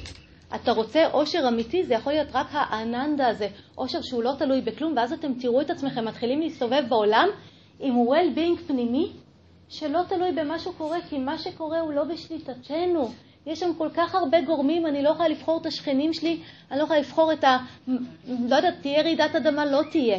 ועדיין יהיה לנו איזשהו well-being פנימי, איזושהי אננדה פנימית, אה, נועם בלתי תלוי, וזה מה שילווה אותך, וכשאתה תגלה אותו, אתה תגיד, אושר זה כיף, שמחה זה כיף, אבל אני סוף סוף יכול ליהנות מהם כמו שהם, בזכות זה שגם יש לי נועם שהוא הבסיס של זה, והוא לא משתנה והוא לא חולף, מבין?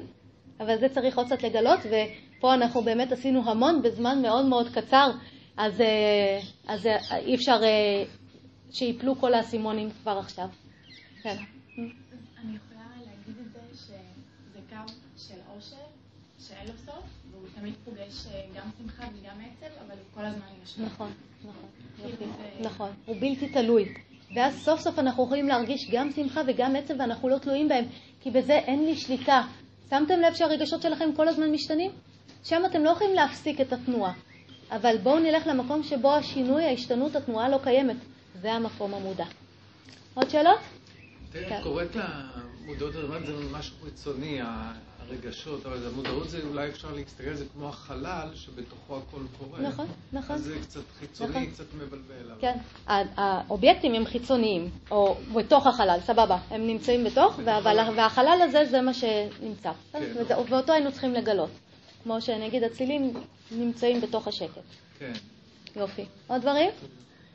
אוקיי, אז אני מקווה שככה נתן לכם טיפה insight לתוך הדבר הזה של לגעת ברוח, או בעצם זאת המטרה הגדולה של היוגה, לגלות את המקום המודע ולהשתחרר מסבל, וכל הקייבליה וכל הבלגן הזה, השחרור המלא. אה, אבל אה, נסיים פה. אה, אני מזמינה אתכם, מי שרוצה את ההקלטה, אז יואבי פה, ירשום את ה... תבואו לרשום את המייל שלכם, ואני אשלח לכם את ההקלטה, אני מאוד אשמח. ואם אתם רוצים לשמוע עוד קצת על התוכנית לימודים של המכללה שלנו וכל הדברים האלה, אז אה, מוזמנים ב-28 ליוני, יש לנו יום פתוח בנטף, אה, אז אה, מוזמנים, אתם יכולים, נטף זה ליד ירושלים, אתם יכולים לראות פרסום שלנו בעיתון, יש שם את הפרטים, קצת על המכללה, וזהו, ובואו רק נסיים בהודיה, שנייה לפני שאתם בורחים. שנייה, אני תכף אגיד, אז רק בואו נגיד תודה על הזכות ש... עוד רגע שקט, עוד רגע תשומת לב. תודה על הזכות שהייתה לנו ללמוד פה יחדיו, ושיהיה פסטיבל מוצלח, ותודה רבה שבאתם. תודה רבה. מחר מי שרוצה ב-10 בבוקר הרצאה על דרך הצ'קרות, אחר לגמרי ממה שאתם יודעים על צ'קרות, אז מציעה לכם לבוא, וביום שבת הרצאה על פרנה ופרניאמה, גם קצת אחרת ממה שאתם אולי מכירים, ב-11. תודה רבה. תודה רבה.